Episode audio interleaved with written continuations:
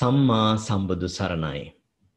ශ්‍රී බුද්ධ වර්ෂ දෙදහස් පන්සිය හැට හතරක් වූ නිකිනි මස අව සැටවක නම් තිතිලත් ශනිල් දිනහෙවත් ව්‍යවහාරික වර්ෂ දෙදහස් විස්සක් වූ අගෝස්තු මස අටවන්න සෙනසුරාදා ශ්‍රී ලංකාවේ වේලාවෙන් පස්වරු හත උදාවන මේ මොහොතේදී ලෝකය පුරා විසිරී සිටින ඔබ අප සෑම සිල්ලු දෙනාම සූම් යෙදවම ඔස්සේ අන්තර්ජාලය හරහා සජීවීව මේ සම්බන්ධ වී සිටිනුයේ පෞරාණික තේරවාදය ත්‍රීපිටක අධ්‍යයන වැඩසටහනෙහි අභිධර්මය දා හතරවැනි පාඩම සමගයි. පෞරාණික තේරවාදය ත්‍රීපිටක අධ්‍යයන වැඩසටහනෙහි දාහතරවැනි අභිධර්ම හා පාලි භාෂා පුහුණුවට සම්බන්ධ වන සත්පුරුෂ හිතවතුනි.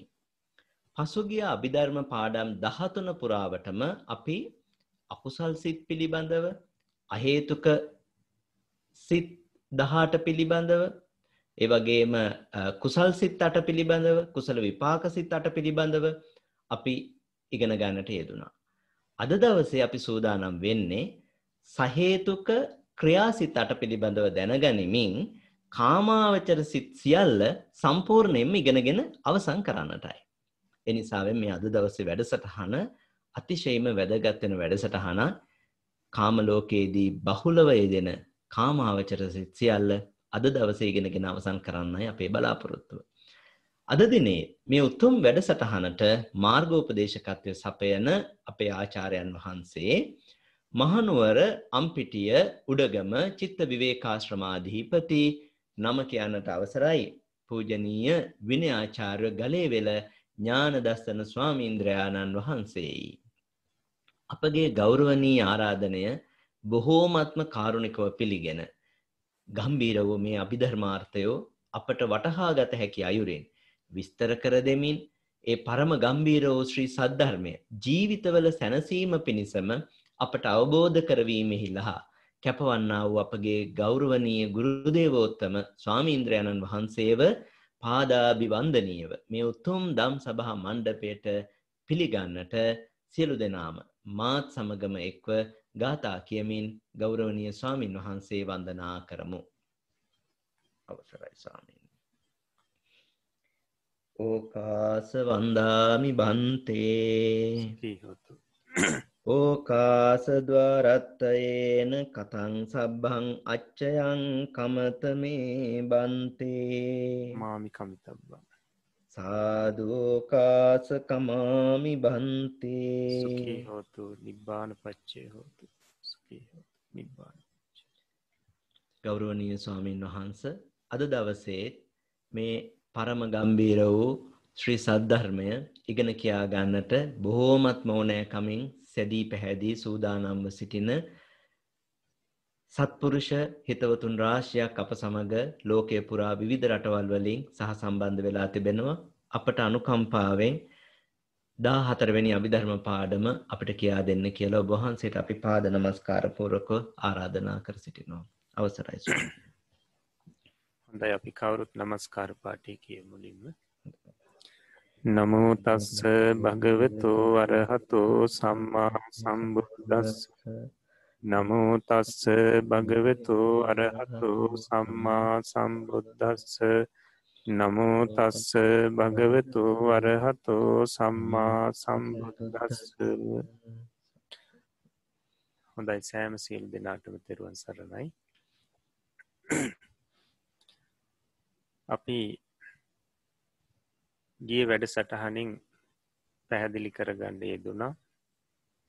සහේතුක කාමාවචර විපාකසිත් අට සම්බන්ධී එතකොට විපාකසිත් අට ගැන අපි කතා කරනකොට ඒ විපාක සිත්වලත් ත්‍රහේතුක දහේතුක බේදයක් තියෙන බව අපි පැහැදිලි කරා. ඉතිං අදාපිට තියෙන්නේ මේ සහේතුක කාමාවච්චර ක්‍රියාසිත් අට සම්බන්ධයෙන් ඉගෙන ගණ්ඩයි තියෙන්නේ. එකොට අපි ඒ පාඩමට අන්ඩ කලින් අපි ගේ සතියේ පිරිසට පැහැදිලි කරලා දුන්න මේ ජටා සූත්‍රයට අනුව මේ ත්‍රහේතුක ප්‍රතිසන්දියක තියෙන වටිනාකම. ඉතින් ඒ සූත්‍රයේ අපි ගාථා දෙකක් පමණක් අපි පිරිසට දැනගණ්ඩ දක්වනවා. එකොට එහි අර්ථය අපි එදා වැඩ සටහනිදී පැහැදිලි කරා. නිසා එතනින් අපිට අර්ථය දැනගණ්ඩ පුළුවන්. ගාථා දෙක බලන්න පුළුවන්දෙන් ට සංයුත්ත නිකායි දේවතා සංයුත්තයේ තියෙනවා ජටා සූත්‍රය කියලා සූත්‍රයක්. මෙන්න මේ සූත්‍රයේ තමයි ඔය ගාථා දෙක පැමිණෙන්නේ. කොට පලවෙනි එක තමයි කියන්නේ දිවපුත්‍රය ඇවිල්ලහන ප්‍රශ්නය ඇතුළත් ගාථාවමේ අන්තෝ ජටා බහි ජටා ජටාය ජටිතා පජා තන්තන් ගෝතම පුච්චහාමී කෝයි මං විජටේ ජටන් බුදුරජාණන් වහන්සේකට දෙන්න පිළිතුරු ගාථාව. සීලේ පතිට්ටහය නරෝ සපඥෝ චිත්තම් පඥ්ඥංච භාවයන් ආතාපී නිපකෝ භික්කු සෝ ඉමං විජටේ ජටම් මේක තමයි පිළිතුරු ගාථාව. ඉතිං මේ සම්බන්ධ අර්ථය ගිය වැඩ සටහනි වීඩිය එක බල්ල කාටත් පුළුවන් දැනගණ්ඩ නිසාපි විස්තර කරන්න බලාපොරොත්වෙනි නැහැම වෙලාවේ. හොඳයි. ඊළඟට දැන් අපිට අද ඉගෙන ගණ්ඩ තියෙන්නේ කාමාවච්චර ක්‍රියාසිත් අට. එවට අපි බලන්ඩෝනි මෙතෙක් අපි ඉගෙන ගත්තු මේ චිත්තය සම්බන්ධයෙන් ඉගෙන ගත්තු කරුණු කාරණා කියන්නේ සිත් කියක් ගැන අපි ඉගෙන ගත්තද? ඒ මොන්න කොටසට අයිති සිද්ධ ඉගෙන ගත්තේ? තව කොච්චර අපිට ඉගෙන ගණඩ තියෙනවද කියන එක එකත් පැහැදිලි කරගන්න අතරට. අදාපි මේ සිත් ඉගෙන ගන්නේ කුමන කොට්ටාසේට අයිති සිද්ධ කියන එකත් අපි දැනගන්න එක වටිනෝ නැතන් අපි දැන් කොතනද ඉන්න මේ පාඩමය කියන එක පැහැදිලි කරගන්න එක වටිනෝ එතකොට අපි කවුරුත් දන්නවා මූලිකවා පිගෙන ගත්තා මේ පරමාර්ථය ආකාර හතරකට චිත්තය චෛතසිකේ රූපය නිර්වාණය කියලා. ඒ පරමාර්ථ හතරෙන් අපිට මුලින් ඉගෙන ගණ්ඩ තියෙන්නේ චිත්තය ගැන. එතොට චිත්තය මූලික වශයෙන් කොටස් හතරකට බෙදෙන බව අපි පැහැදිලි කරා. තොට ඒ අතරින් පළවෙනි කොටස තමයි කාමාවචර සිත්. ඉළඟට රූපාවචර සිත්. ඊළඟට අරූපාවච්චර සිත්. ඊළඟට ලෝකෝත්තර සිත්. එතකොට කාමාවචර සිත් පනස් සතරයි රූපාවචර සිත් පහළවයි අරූපාවචර සිත් දොළහයි ලෝකෝත්තර සිත් කෙටි ක්‍රමයෙන් අටයි දීර්ග ක්‍රමයෙන් හතලිහයි. ඊළඟට අපිට කාමාවචර සිත් තමයි ඉගෙන ගණඩ තිබුණේ. කාමාවචර සිත් කියනකොට මේ කාමලෝකයේ බොහෝසයින් පහළ වන සිත්තෝට තමයි කාමාවචර සිත් කියලා කිවේ. කාමලෝකය කියනකොට සතර අපායි මනුෂ්‍ය ලෝකයේ දිව්‍ය ලෝක හයි කියනමි බොහොමිය කොළහා. එතකොට කාමාවචර සිත් මූලි කොටස් තුනකට බෙදෙනවා අකුසල් සිත් දොළහයි ඉට පස්ස අහේතුක සිද්ධහාට ඉළඟට කාමාවචර සෝභන සිත් විසි හතර අකුසා සිත් දොළහා පිගෙන ගත්තා. අහේතුක සිද්ධහාට ඉගෙන ගත්තා. ඊළඟට කාමාචර සෝභන සිත්. අපිට අපි ඉනුත් කොටසක් ඉගෙන ගත්තා. අපිට බලන්න පුළුවන් කාමාවචර සෝභන සිත් නැවත බෙදෙනවා. කාමාවචර කුසල් සිත් අට ඊළඟට කාමාව සහේතුක කාමාවචර විපාක සිත් අට. එතකොට මේ දෙක අපි මේ වෙනකොට ඉගෙන ගත්ත මේ කොටස් දෙක. කාමාවච්චර කුසාසිත් අට ඉගෙන ගත්තා සහේතුක කාමාවච්චර විපාකසිත් අට ඉගෙන ගත්තා. ඊළඟට අපිට අද තියෙන්නේ සහේතුක කාමාවචර ක්‍රියාසිත් අට සහේතුක කාමාවචර ක්‍රියාසිත් අට ඉගෙන ගණ්ඩයි තිය. එතකොට මෙන්න මේ කොටස් තුනම සම්පූර්ණ වෙනකොට කාමාවචර සෝභන සිත් විසි හතර සම්පූර්ණයි. එතකොට බලන්ඩ කාමාවචර සිත් පනස් හතරම අද මේ සිත් අටත් එක්ක ඉගෙන ගන්නකොට පනස් හතරම සම්පූර්ණ වෙනවා. එමනම් කාමලෝකයේ බොහෝසයෙන් පහළවීම හේතු කරගෙන කාමාවචර සිත් කියල කියපු කොටස අද අපිට සම්පූර්ණ කරගන්න පුළුවන්. එයින් පස්ස අපිට ඉගෙන ගණ්ඩ තියෙන රූපාවචර සිත් පහළව රූපාවචර සිත් පහළවයි ඉගෙන ගණඩ තියෙන ඊළඟට හොඳයි එතකොට අපි බලමු සහේතුක කාමාවචර ක්‍රියාසිත්. අට. පලවෙනි සිත. සෝමනස් සහගත ඥාන සම්ප්‍රයුක්ත අසංස්කාරික සිත. ඉළඟට සෝමනස සහගත ඥාන සම්ප්‍රයුක්ත සසංස්කාරික සිත. ඉළඟට සෝමනස්ස සහගත ඥාන විප්‍රයුක්ත අසංස්කාරික සිත. ඊළඟට සෝමනස් සහගත ඥාන විප්‍රයුක්ත සසංස්කාරික සිත. ඊළඟට උපේක්ෂා සහගත ඥාන සම්ප්‍රයුක්ත අසංස්කාරික සිත උපේක්ෂා සහගත ඥාන සම්ප්‍රයුක්ත සසංස්කාරික සිත ඉළඟට උපේක්ෂා සහගත ඥාන විප්‍රයුක්ත අසංස්කාරික සිත ඉළඟට උපේක්ෂා සහගත ඥාන විප්‍රයුක්ත සසංස්කාරික සිත.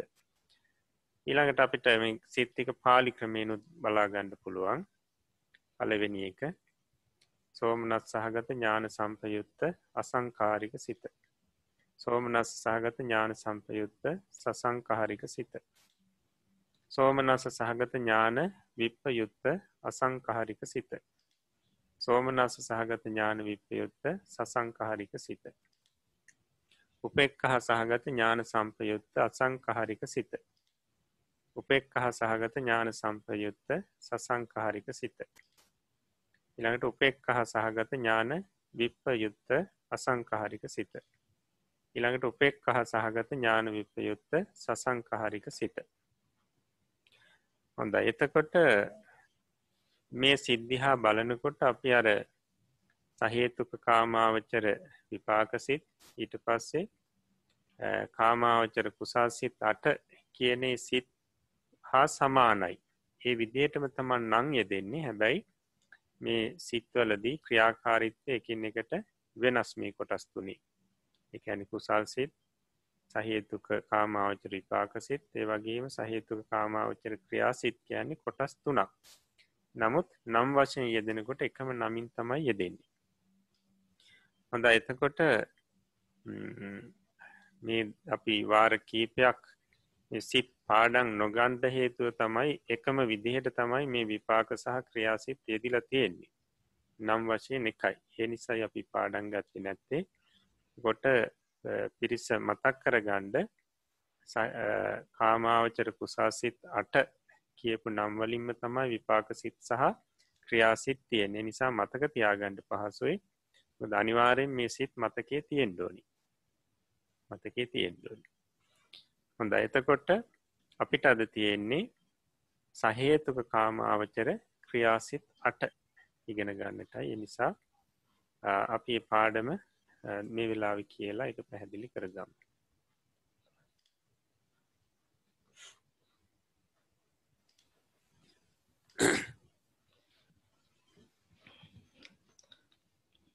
අවසරයි ස්වාමීන් සහේතුක කාමාවචර ක්‍රියාසිත් අට. සම්පූර්ණ තණ්හාව නැති කළා වූ මතු කිසි කලෙක සසර නූපදින්නා වූ රහතුන්ට පින් පව් නැත. එහෙත් රහත් හුද ලෝකයෙහි පින්යයි සම්මත වූ පිදියයුත්තන් පිදීම් දහම් දෙසීම් දහම් ඇසීම් ආදී සත්ක්‍රියා කෙරෙති. ඒවා කිරීම් වශයෙන් රහතුන් කෙරෙහි ඇතිවන සිත් කාමාවචර කුසල චිත්තයන්ට සමානවතුදු. කුශලයෙහි සේ මතු විපාක ඉපදවීමේ ශක්තියක් ඒවායේ නැත. එබැවින් ඒවා කුසල් නොවේ. රහතුන්ගේ සංතානෙහි ඇතිවන ඒ සිත්වලට ඒ ඒ ක්‍රියා කිරීම් මාත්‍රය පමණක් ඇති බැවින් ක්‍රියාසිත් යයි කියනු ලැබේ. සහේතුක කාමාවචර ක්‍රියාසිද්ධ කාමාවචර කුසල සේම අටකි.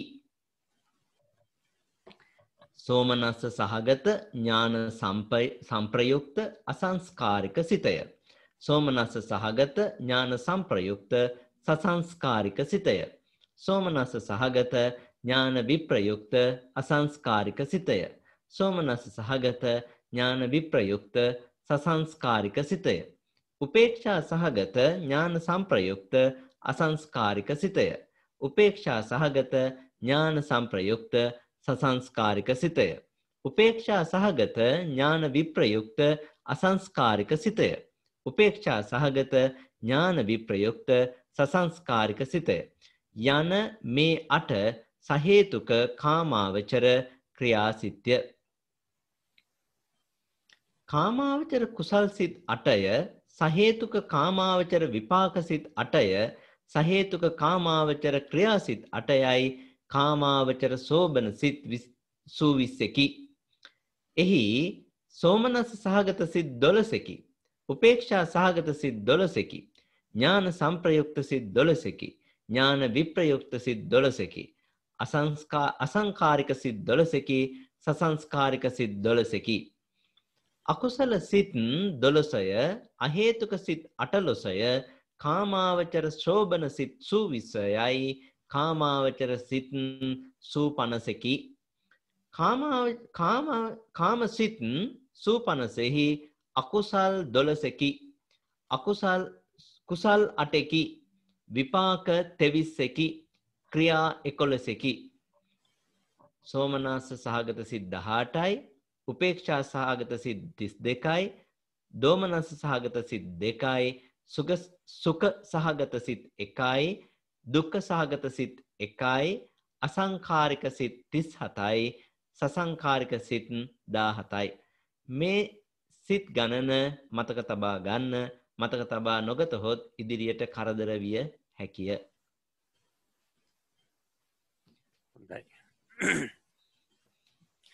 සහේතුක කාමාවචර ක්‍රියාසිත් අට බලන්ඩ එක විස්තරී දක්වලා තියෙනවා සම්පූර්ණයෙන් තන්හාාව නැති කලා වූ මතු කිසි කලක සසර නූපදින්නා වූ රහතුන්ට පින් පව් නැත. එකොට රහතන් වහන්සේ කෙනෙක් කියලා කියන්නේ සම්පූර්ණම තන්හාාව නැති කරපු කෙනෙක්. තන්හාාව සම්පූර්ණම නැති කරපු කෙනෙක්. දැන් අහල තියෙනවනේ අනුසේ ධර්ම කියලා. අනුශේ ධර්ම කියලා කියන්නේ මේ කරුණක් ඇතිකල්හි නැගී ඒමට සුදුසු පරිද්දෙන් මේ සන්තානී සැඟවිලා තියෙන කෙලෙස්වොල්ට තම අනුසේ ධර්ම කියලා කියන්න. එතකොට සමහරුන්ට තන්හාාව ප්‍රකටව නැහැ හැබැයි අර සන්තානි සැඟවිලා තියෙනවා එකක් හරි කරුණක් මතුුණු ගමන් තන්හාාව නැගී එනවා. ඉතිං ඒ අනුෂය අවස්ථාව කියන එකවත් රහතන් වහන්සේට නැහැ. එකයි ගැන සම්පූර්ණම තන්හාාව ප්‍රහීනය කළා. එකොට එකදු කෙලෙස් ධර්මයක්වත් රහතන් වහන්සේට ඇත්ති නැහැ. එකොට රහතන් වහන්සේ නමක් මතු අයි නැවතාත්ම භාවයක කිසි කලික උපදින්නෙත් නැහැ. එතකොට එනිසා උන්වහන්සේලාට පිම් පව් සිද්ධ වෙන්නේ නැහැ.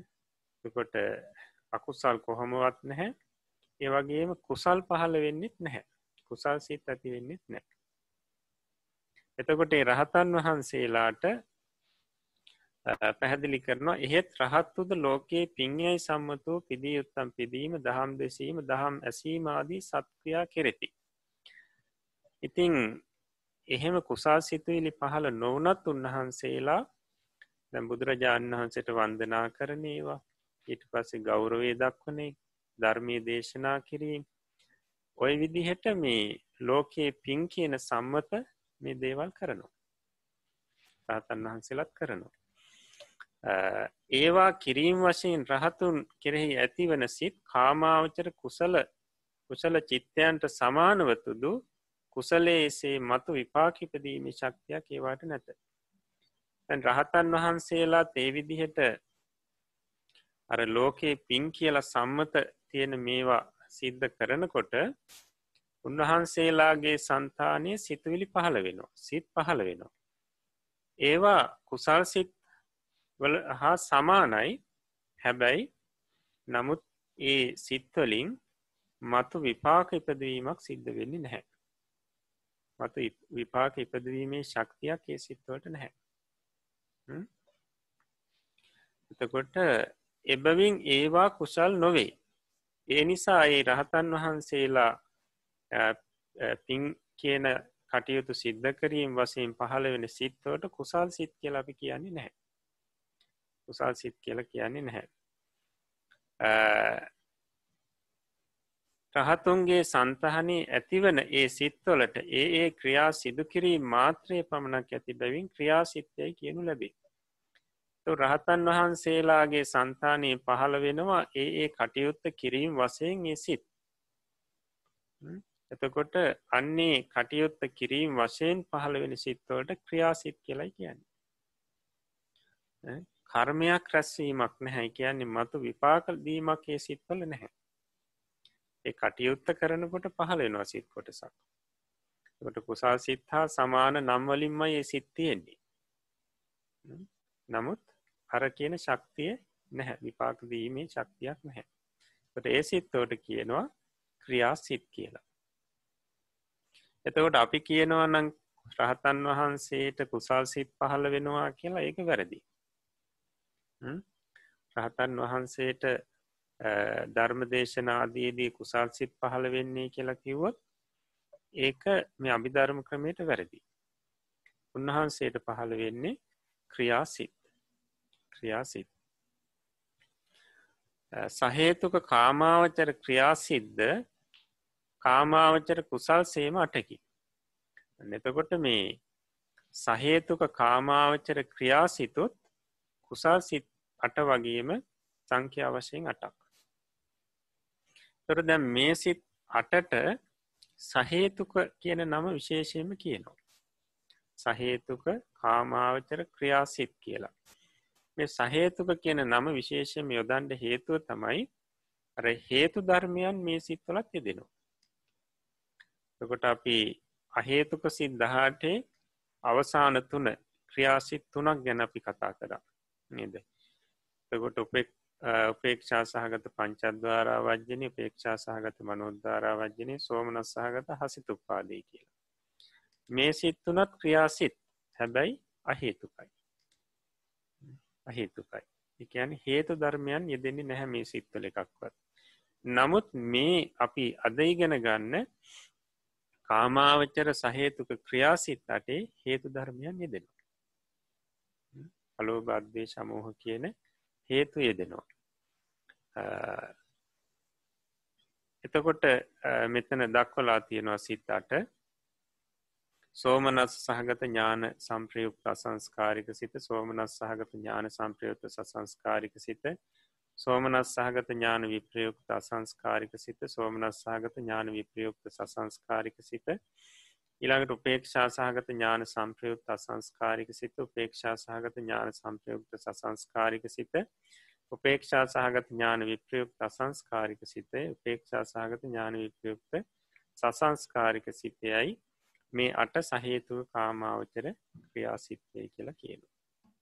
ඇතවට මතක තියාගණ්ඩ රහතන් වහන්සේ නමක් දන්දීමක් හෝ එහෙම නැත්තං ධර්මදේශනාදයක් එහෙම නැත්තං බුද්ධ වන්දනාවක් බෝධිවන්දන ආදිමී ලෝකයේ පින් කියල සම්මත කටයුතු සිද්ධ කරනකොට උන්වහන්සිට පහළ වෙන්නේ මේ කාමාවච්චර සහේතුක ක්‍රියාසිත් එතකොට මේ ධ්‍යාන වැඩීම් ආදිය ගැන නෙවෙයි මේ කියන්නේ.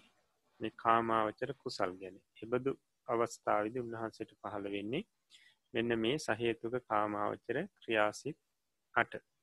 එතකොට බලන්ඩ මේ සිත්වල තියෙනවා ඥාන සම්ප්‍රයෝක්ත සිත් ඉළඟට ඥාන විප්‍රයුක්ත සිත්.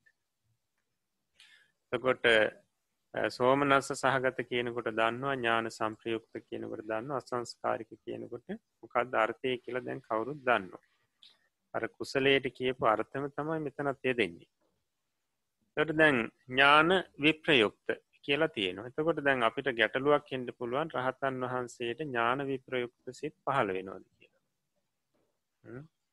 ඥාන විප්‍රයුක්තයි කියලා කියන්නේ අර අපි මුලින් කීව වගේ සමහරලාවට යම් කුසල් ධර්මයක් කරනකොට එක ආනිසංස සම්බන්ධයෙන් මේකින් මතු විපාක තියෙනවා කියන මේ අදහස සමහට නැතිවෙන්ට පුළුව එහෙම පහළවෙඩ පුළුවන් රහතන් වහන්සේට මේ සිත් හතරක්.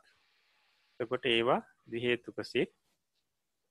ඒ විදියට පහළ වෙනවා කියලා කියන ස්ට්‍රාතන් වහන්සේ සමහලාට සිරිතක් විදිහට පුරුද්දක් විදියට සමහරලාට යම් කටයුතු කරනවා.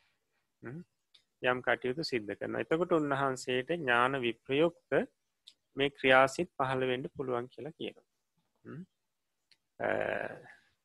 දැන් සමහර වෙලාවට අපි හිතමකෝ දිනපතාම උන්වහන්සේ විහාරයම දිනවා කියලා. එකොට ඒ කටයුත්ත සිද්ධ කරනකොට අර දිනපතා කරන කටයුත්තක් හැටියට සමහල්ලාට කරන්න පුළුවන්. පුරුද්දක් විදියට. ඒ අවස්ථාවදි උන්වහන්සේට ඥානී නොයදෙන්ට පුළුවන් කියලා කියනවා. එතකොට වෙනස දැනගණ්ඩ එකොට මේ සිත්තටේ ත්‍රහේතුක සිත් හතරක් තියෙනවා දහේතුක සිත් හතරක් තියෙනවා. නමුත් මේ හේතු යෙදුනත් මෙතන තියෙන විශේෂත්වය තමයි මේ වලින් විපාක ඇති කිරීමේ ශක්තියක් මේ නැහැ මේ සිත්වලට හොඳ එතකොට දැන් රහතන් වහන්සේ රහතන් වහන්සේත් මේ කුසල් ධර්ම සාමාන්‍ය පුද්ගලයන් වගේ මේ කුසල් කියන සම්මත ධර්මයන් කෙර කරනවා. එකොට අපිට ත්‍රිපිටක බලනකොට සමහර තැන්වල දීවිදී කතා ප්‍රවෘත්ති දකිින්ට ලැබෙනවා. කතා ප්‍රවෘත්ති දකිින්ට ලැබෙනවා. විශේෂෙන් අපි කිවෝ ධර්ම දේශනා කිරීම. දකොට උන්වහන්සේට මේ ක්‍රියාසිත් කාමාවචර සහේතුක ක්‍රියාසිත් පහළවෙන අවස්ථා. ඇති ඒ වගේම තවත් විශේෂ කතා ප්‍රවෘත්තියක් තියෙනවා. ඔය රහතන් වහන්සේ නමක් මේ පින්කරපු අවස්ථාවක් ගැන. එතකොට මේ කතා ප්‍රවෘත්තිය තියෙන්නේ පේතවත්තු පාලි පේතවත්තු පාලිද විමානවත්තු පාලි පේතවත්තු පාලි කියලා ඔය තියෙනවා ත්‍රිපිටකේට අයිති ග්‍රන්ථ දෙකක්. මෙන්න මේ ග්‍රන්ථ දෙ එකක් තමයි මේ පේතවත්තු පාලී කියලා කියන්න. එතකොට ඒ ප්‍රේතවස්තු පාලියේ එක කතාවක් තියෙනවා. ඒකට කියන සානුවාසී පේතවත්තු සානවාසී පේතවස්තුව කියලයි කියන්නේ. සානවාසී පේතවස්තුව එතකොට මේ සානවාසී කියලා මේ හිටියා රහතන් වහන්සේ නමක්. උන්වහන්සේ සම්බන්ධයෙන් කතා ප්‍රවෘත්තියක් තමයි මේ ප්‍රේතවස්තුය කියවෙන්නේ. ඉතින් අපේ ලෝතුරා බුදුරජාණන් වහන්සේ මේ ලෝකෙ පහළුනාට පස්සේ කුන්ඩි කියන නගරේ සමීපේ ඉන්දියාවේ කුන්ඩි කියන නගරේ සමීපේ කේවට්ට ගමක කුඩා දරුවේ කිපදුනා. කේවට්ට ගමක කේවට්ට ගමක් කියලා කියන්නේ මාළු මරමින් ජීවත්වෙන මිනිස්සු ඉන්න ගමක්. එතකොට තස්ස ජාතිස්සරණ ඥානං උප්පජ්ජි. ඒ කියන්නේ මේ දරුවට ජාතිස්මරණ ඥානය පහළ වුණ. පෙර ජාතිය සිහි කරන්න මේ හැකි නුවනක් පහළ වුණා. ඉතිං ඒ නුවන පහළුනාට පස්සේ මේ දරුව දැක්ක පෙර ජීවිතයේ අකුසල් පෙර ජීවිතවල අකුසල් කරලා තියෙන ඒ අකුසල් කරපු නිසා මහා දුක් සංසාර විඳින්ඩත් වුණා. මහා දුක් විඳින්ට වුණා. ඉතිං ඒ නිසා මේ දරුවා කුඩා කාලෙ ඉඳලම මේ අකුසලයට හරි බයයි. අකුසලයට හරිම බයයි. මොකද යකුසල් කරලා ඒ සම්බන්ධයෙන් විදිින්ඩුණු දුක් හොඳට දැක්කා. නිරේ ඉපදිලා ප්‍රේතලෝක ඉපදිලා විින්දපු දුක් මේ දරුවා පෙනුණා. ඉතිං වැඩි වැඩිහිටි වෙනකොටත් මේ දරුවා අර පවට තියෙන බය අතහැරල දැම්මි නැහැ. තව තවත් පවට බයවුණා ඉතින් දැන් මේ දෙමවපියෝ ඥාතිී නොක්කෝම කරන්නේ මාළු මරණ කටයුත්ත. නමුත් මේ දරුවා මාළු මරණය තැනට නැත්තන් ගංගාවට යන්නේ නැහැ. දෙමවපියක සහෝදරයක ඥාතින එක යන්නේ නැහැ. ඉතිං මේ ඒ යනකොට මේ දරුවා ගෙදර හැන්ගෙනවා යන්න හැ ඒ වගේම තමයි අර දැන් සමහර වෙලාවට ඥාතී නැති වෙලාවේ අර ගඟට ගිහිල්ලා එලලා තියෙන දැල් ලිහලදානු ඊට පස්සේ පණපිටිං පල්ලාගෙන ඉන්න මාලු නිදහස් කරලා දානු ඔන්න ඔය විදිහට මේ දරුවාර අකුසල් කරන්නෙම නැතුව අකුසලයට පුදුම බයින් යුතුව ජීවත්තුනි එති එක දවසක් මේක ඥාතීන්ට දෙමවපයන්ට ආරංචුනා මේ දරුවා මාළු මරණ කටයුත්තට එන්නෙත් නැහැ අනික මේ අල්ලාගෙන ඉන්න මාළුවත් නිදහස් කරන දැල් කපලදානවා ඉතිං මේ විදියට දැනගත්තට පස්සේ මේ දෙමවපියෝ ඥාතීන් එකතු වෙලා මේ දරුව ගෙදරින් පන්නනවා. මේ දරුව ගෙදරින් පන්නවා හැබැයි මේ දරුව කෙරෙහි හරි හැඟීමක් ආදරයක් තිබුණා මේ දරුවගේක සහෝදරය හිටිය මේ සහෝදරයට. සහෝදරයට පුදුම ඇල්මක් මේ තමන්ගේ අනි සහෝදරයක් කෙරෙහි යකුසල් නොකරන සහෝදරයක් කරේ තිබුණ. එති ඊට පස්සේ පැහැදිලි කරනවා තේනච සමයෙන් ආයස්ම ආනන්දෝ කුන්්ඩි නගරං උපනිස්සාය සානුවාසී පබ්බතය විහෙරති. මේ කාල වෙනකොට ආනන්ද සාමීන් වහන්සේ කුන්්ඩි කියන නගරේ ඇසුරු කරගෙන තිබුණු ඔය සානුවාසී කියන පර්වතයේ තිබුණු විහාරයේ තමයි ඒ කුටි සෙනසුන් වලතා වැඩ හිටිය. එතකොට දැම් මේ කේවට්ට දරුවා දැන් ගෙදරින් පැන්නුවනි. ඉතිං එක එක තැන්වල ඇවිද ඇවිද ඉන්න අතරට හරියටම දවල් දාන වෙලා වෙනකොට මේ දරුව එනවස් මේ ආනන්ද ස්වාමීන් වහන්සේ ළඟට.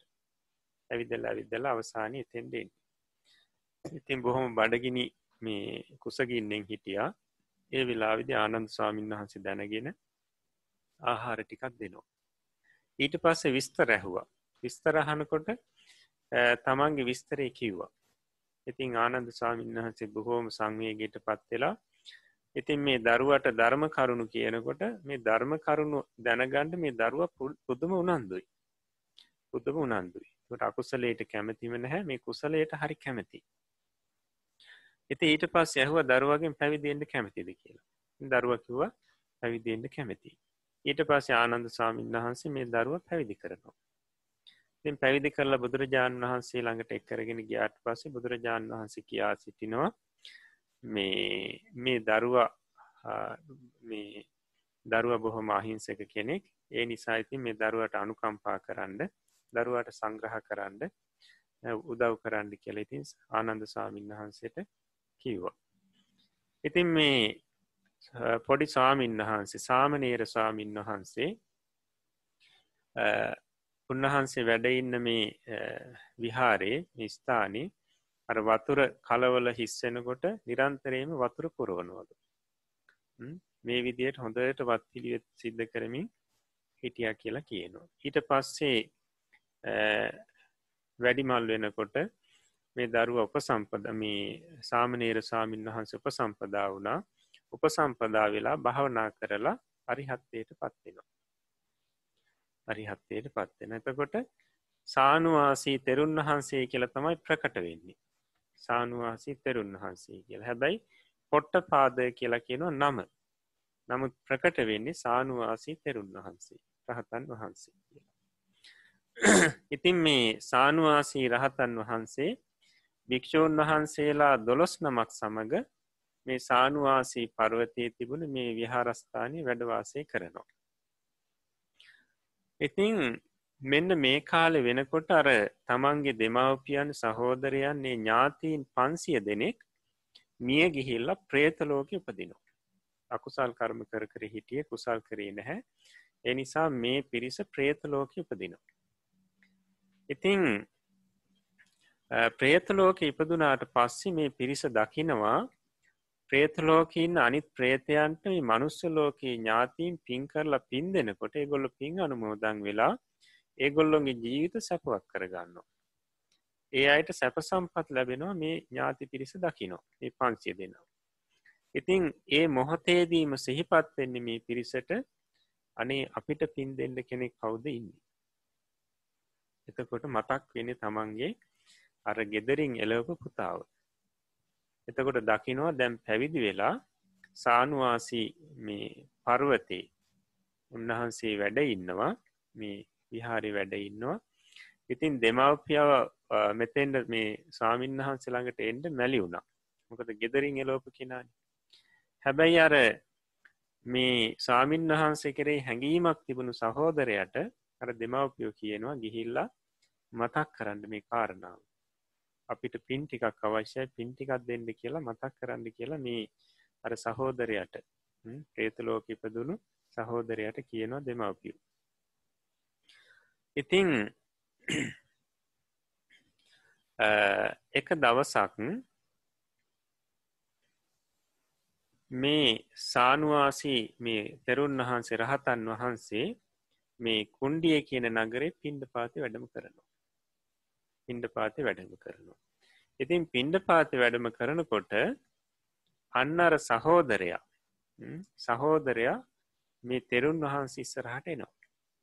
තෙරුන් වහන්ස ඉස්සරහට ඇවිල්ල එක දනහිසක් බිම තියලා මේ දෑත් එකතු කරලා වන්දනා කරගෙන මේ සාමීන් වහන්සේට කියා සිටිනවා මේ සාමීන් වහන්ස ඉස්සරහ පෙනී සිටිනවා ඒ වෙලාව මේ රහතන් වහන්සේ ඒ ඉදිරිය ඉන්න කෙනා ගැන වැඩිය සැලකිල්ලත් දක්වන්නේ නැහැ කියලා කියනවන්න ඇතු එතනින් පිටත්වෙන්න එතනින් පිටත්වෙන්ඩ සූදානන් වෙනකොට මෙන්න මේ ප්‍රේතයක් කියනවලු මාතා පිතාච තේබන්තේ දුග්ගතා යම ලෝකිකා පාපකම්මං කරිත්වාන පේතලෝකං ඉතෝ ගතා. ස්වාමීණි මම ඔබ වහන්සේගේ සහෝදරයා. ඉතින් ඔබ වහන්සගේ අම්ම ඉතාත්තයි දෙන්නම දැම් මේ ප්‍රේත ලෝක ඉපදිලා ඉගොල්ල බොහෝම දුකට පත්වෙලා ඉන්නේ. ඒවගේම බොහොම දුක්කිත ජීවිතයක් ශරීර කුසව කෘෂවෙලා මෙහෙම විපිලිසර වෙලා ඉතින් ඒගොල්ලො එහෙ දුකෙන් ජීවත්වෙන්නේ දි මේ ලෝකෙන් මිය ගිහිල්ලා ඒ ප්‍රේතලෝක තම ඉපදුනේ.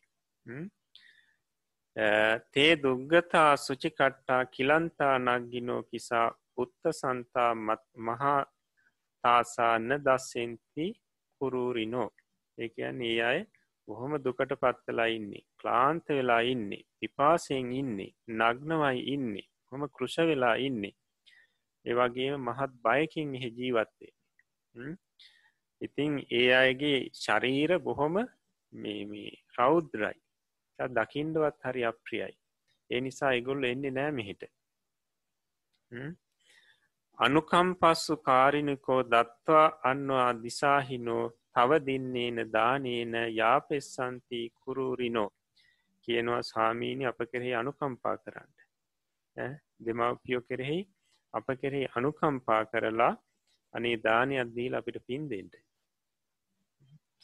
ඉතිං තවදින්නේන දානේන ඔබ වහන්සේ දෙන දානයෙන් තමයි ඒ බලවත් වූ කර්ම අකුසල් කර්ම කරලා හෙ උපන් පිරිස මේ ඥාති පිරිස යපෙන් එනිසා පින් දෙෙන්ඩ කියලා කියන ඉතිං ඊට පස්සේ පැහැදිලි කරනවා මේ තෙරුන් වහන්සේ තේරෝ චරිත්වා පින්ඩාය බික්කු අඥ්ඥේච දවාදස ඒකජ්ජන් සන්නිපතින්සු බත්ත විස්සග කාරණ. ඉතින් මේ තෙරුන් වහන්සේ සානුවාසී තෙරුන් වහන්ස ඊට පස්සේ බොහෝම සංවේගයට පත්වෙලා තමන්ගේ දෙමවපියෝ ඥාති පිරිස සහෝදරයෝ ප්‍රේතුලෝක පෙදිලා දුකට පත්වෙලා පිහිට වෙන්ඩෝනි කියලා කල්පනා කරලා තමන් වහන්සෙත් එක් හිටපු සැසු සාමීන් වහන්සේලා දොළොස් නමත් එකතු කරගෙන පින්ඩ පාති ගිහිල්ලා දාන එකතු කරගන්න. දාන එකතු කරලා තවත් සංඝයා වහන්සේලා වඩම්මලා සංඝයාට දානයක් දෙනවා. සංඝයා වහන්සේලාට දානයක් දෙනවා. ඊට පස්සේ ඉදම් මේ ඥාතිී නංහෝතු සුකිතාහොන්තු ඥාතයෝ සමනන්තරානුදිට්ටේ භෝජනං උපපජ්්‍යත. ඊට පස්සේ තමන්ගේ ඥාතීන් දෙමවපියන් ඥාතීන් සිහිපත් කරගෙන මගේ ඥාතීන්ට මේ ලැබේවා ඥාතිහු සැපේට පත්වේවා කියලා අනුමෝදන් කරනවා. පැහැදිලි කරනවා සමනුද්දරා සමනන්තරානුද්දිට්ටේ කියන්නේ ය අනුමෝදන් කිරීමත් සමගම භෝජනං උපපජ්‍යතය අයට දිව්‍යමේ භෝජන. යන ඉතාම් ප්‍රනීත ආහාරපාන පහළ වුණාද ආහාරපාන පහළ වනා කියලා කියනවා. ඉතින් තතෝ උද්දසී භාතා වන්නවා බලවාසුකි. ඊට පස් අර සහෝදරය ඇතුළු පිරිස ඉතිං අර පින් අනුමෝදන් වීම නිසා එයට සැප සම්පමී ආහාරපාන පහළුනාට පස්සේ ආහාර අනුභව කරලා අන්න අර සහෝදරයාගේ සහෝදරයා බොහොම සැපවත්ව ශරීරයේ බලගන්නවාගෙන මේ නැවත මේ සාමීන් වහන්සේ ළඟට එනවා. නැවත සාමීන් වහන්සේ ළඟට එනවා. ඊට පස්සෙ කියනවා පහූතම් බොහෝජනම් බන්තේ පස්ස නග්ගාම් හසේ මයන් තතා බන්තේ පරක්කම යතා වත්තං ලබාමසේ. කියනවා සාමීනී ඔබ වහන්සේ සංඝයා වහන්සේට දානයක් දීලා අපිට පින්දුන්න අපි සතුටින් අනුමෝදං වුණා. ඒ නිසා අපිට ආහාරපාන අවශ්‍ය ප්‍රමාණිට ලැබුණ. ඕන තරං ආහාරපාන දැන් ලැබිල තියෙනවා. හැබැයි නග්ගාම් හසේ මයන් තාම අපි නිර්වස්ට්‍රවා ඉන්නේ නග්නවා ඉන්නේ. කතාබන්තය පරක්කම යථාවත්තන් ලබාමසේ. සාමීනි අපිට වස්ට ලැබෙන වස්ට ලැබීම සඳහා කුමක් හරි දෙයක් කරන්නකෝ කියලා කියන ඉල්ලා සිටිද. ඉතිං අන්න ඒ වෙලාවෙදී පැහැදිලි කරනවා තේරෝ සංකාරකෝටම් හා උච්චනිත්වාන නන්තකේ පිලෝතිකම් පටන් කත්වා සංගහෙ චාතුද්දසේ අදා. තෙරුන් වහන්සේ ඊට පස්සේ දැන් අද කාලෙ වගේ දා සිවුරු හොයාගණ්ඩ හරි අමාරුයි. සාමීන් වහන්සලා වැඩි. ඉතිං තැන තැන දමල තිබුණු රෙදි කෑලි එකතු කරලා සිවුරක් මහලා සතර දිස්වාසී සංඝයා වහන්සේට එක පූජ කරාලු සාගික් කරලා. දත්වා අන්වා දිසී තෙහෙරෝ මාතු පිතුච භාතුනෝ ඉදම් මේ ඥාතිී නංහෝතු සුකිතා හොන්තු ඥාතය. අන්න අර සංගරත්නයට සිවුරු පූජා කරලා මවට පියාට සහෝදරයට මි පිරිසට පින් අනුමෝදං කරාලු ඉදම් මේ ඥාතිී නං හෝතු සුකිතා හොන්තු ඥාතයෝ මේ මගේ ඥාතීන්ට ලැබේවා ඥාතිහු සැපවත්තා කිය. ඉතිං සමනුන් සමනන්තරානුද්දිට්ටේ වත්තානි උපපජ්ජිසුන් කියන අර පින් අනුමෝදන් කිරීමත් එක්කම ඒ අයි පින් අනුමෝදං වුණා ඥාති පිරිස වස්ට්‍ර පහළ වුණා කියලා. වස්ට්‍ර පහළ වුණා.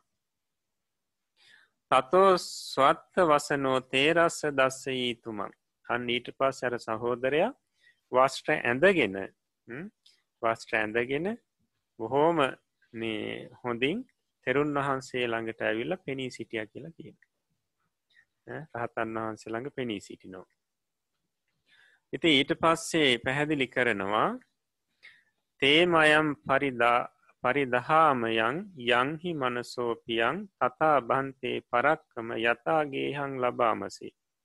දැ මේ ඇවිල් අයිළඟට තවත් දෙයක් ඉල්ලනවා. මොකක්ද? සාමීනි අපිට අපි කැමති කැමති වස්ට අඳින්ට පුළුවන්. දැන් අපිට වස්ට ලැබිල තියෙන්නේ. නමුත් යතා ගේහන් ලබාමසි. අපිට ගයක් ලබා ගැනීම සඳහා කොමක් හරි දෙයක් කරන්න සාමීනී කියලා ඉල්ලනවා. ඉන්ඩ ගේකුත් නැහැ. ඉන්ඩ තැනක් නෑ ඉතිං අන්න ඒ වෙලා විදි පෙහෙරෝ පන්න කුටින් කත්වා සංගහෙ චාතුද්දසේ අදා දත්වා අන්වා දිසී තෙහෙරෝ මාතු පිතුච භාතුනො ඊට පස්සේ පැහැදිලි කරනවා තෙරුන් වහන්සේ මේ ඔය පොල්ලතු වගේ දෙයක් එකතු කරගෙන කුටියක් හදල තියෙන පන්න කුටි කියලා කියන්නේ වගේ මොනහරි අතුවලින් කොළවලින් කුටියක් හදලා සතර දිසාවාසී සංඝයා වහන්සේට පූජ කරනවා. ඊට පස්සේ මවට පියාට සහෝදරය ඇතුළු පිරිසට ඉදම් මේ ඥාතිී නංහෝතු සුකිතා හොන්තු ඥාතියෝ කියල මේ පින මගේ ඥාතීන්ට ලැබේවා ඥාතිහු සැපවත් එත්වා කියල පින් අනුමෝදන් කර. ඊට පස්සේ සමන් සමනන්තරානුද්දිට්ටේ ගරාණි උප පජ්ජිසුම් අර පින් අනුමෝදං කරනුවත් එක්ක මේ පිරිස පින් අනුමෝදං එනවා. ඒත් එක්කම මේ ගෘහ ගෙවල් පහළ වනා කියලා කියන ඒ පිරිසට. ඉන්ඩ වාසස්ථාන පහළ වෙනවා. එතකොට කෝටාගාර නිවේශනා විභත්තා භාගසෝමිතා නමනුස්සේසු ඒ දිසා යාදිසානෝ ගරයිද? ගැන මනුෂ්‍ය ලෝක ගෙවල්ලෝටත් වඩා ඉතින් මහත් වටිනා මේ විසිතුරු ගෙවල් මේ පිරිසට පහළ වනා කියලා සඳහන් කරනවා. ඊට පස්සේ මේ සහෝදරයා නැවතේනවා නැවත ඇවිල්ල කියනවා තත්තහ බන්තේ පරක්කම යථා පානං ලබාමසේ. තේරෝ කරකං පූරෙත්වා සංගේ චාතුද්දසේ අදා කියනවා සාමීනි අපි පිපාසයෙන් ඉන්නේ. ආහාර ලැබුණ. හැබැයි වතුර පානී කරන්න බොන්ඩ වතුර නැහැ. පිපාසයෙන් අපි මේ දීර්ඝ කාලයක් ඉන්නේ. සාමීනි ඒ නිසා අපිට මේ පිපාසේ සංසිදවා ගණ්ඩ වතුර ලබා ගැනීම සඳහා බොහන්සේ මොකක් හරි පින්කමක් කරන්න. ඒ වෙලාවෙදී තේරෝ කරකම්පූරෙත්වා ඒ කියන තෙරුන් වහන්සේගේ ඔය දම්ම කරකය කියලා තියෙනවා පැන් ගන්න භාජනයක්. මේ භාජනින් පැම්පුරෝලා සතර දිසාවාසී සංගි හාරමණු කරලා පූජ කරලු පැන් පූජා කරලා දත්වා අන්වා දිසී තෙහෙරෝ මාතු පිතුච භාතුනෝ ඉදම් මේ ඥාතිී නං හෝතු සුකිතා හොන්තු ඥාතයෝ. සංගහා වහන්සේට පැම්පූජා කරලා මවට පියාට සහෝදරය ඇතුළු ඥාතීන්ට මේ පින අනුමෝදන් කරනවා. අනුමෝදන් කරනු. එතකොට සමනන්තරානුද්දිට්ටේ පානීයන් උපපජ්්‍යත ගම්බිහිරා චතුරස්සාච පොක්කරං්ඥෝ සුනිම්මිතා. පැම් පූජා කල පින් අනුමෝදං කරනකොට මේ පිරිසට පැම් පහළ වෙනවලු. ඉතාම ගැඹුරු සතරස්සාකාරූ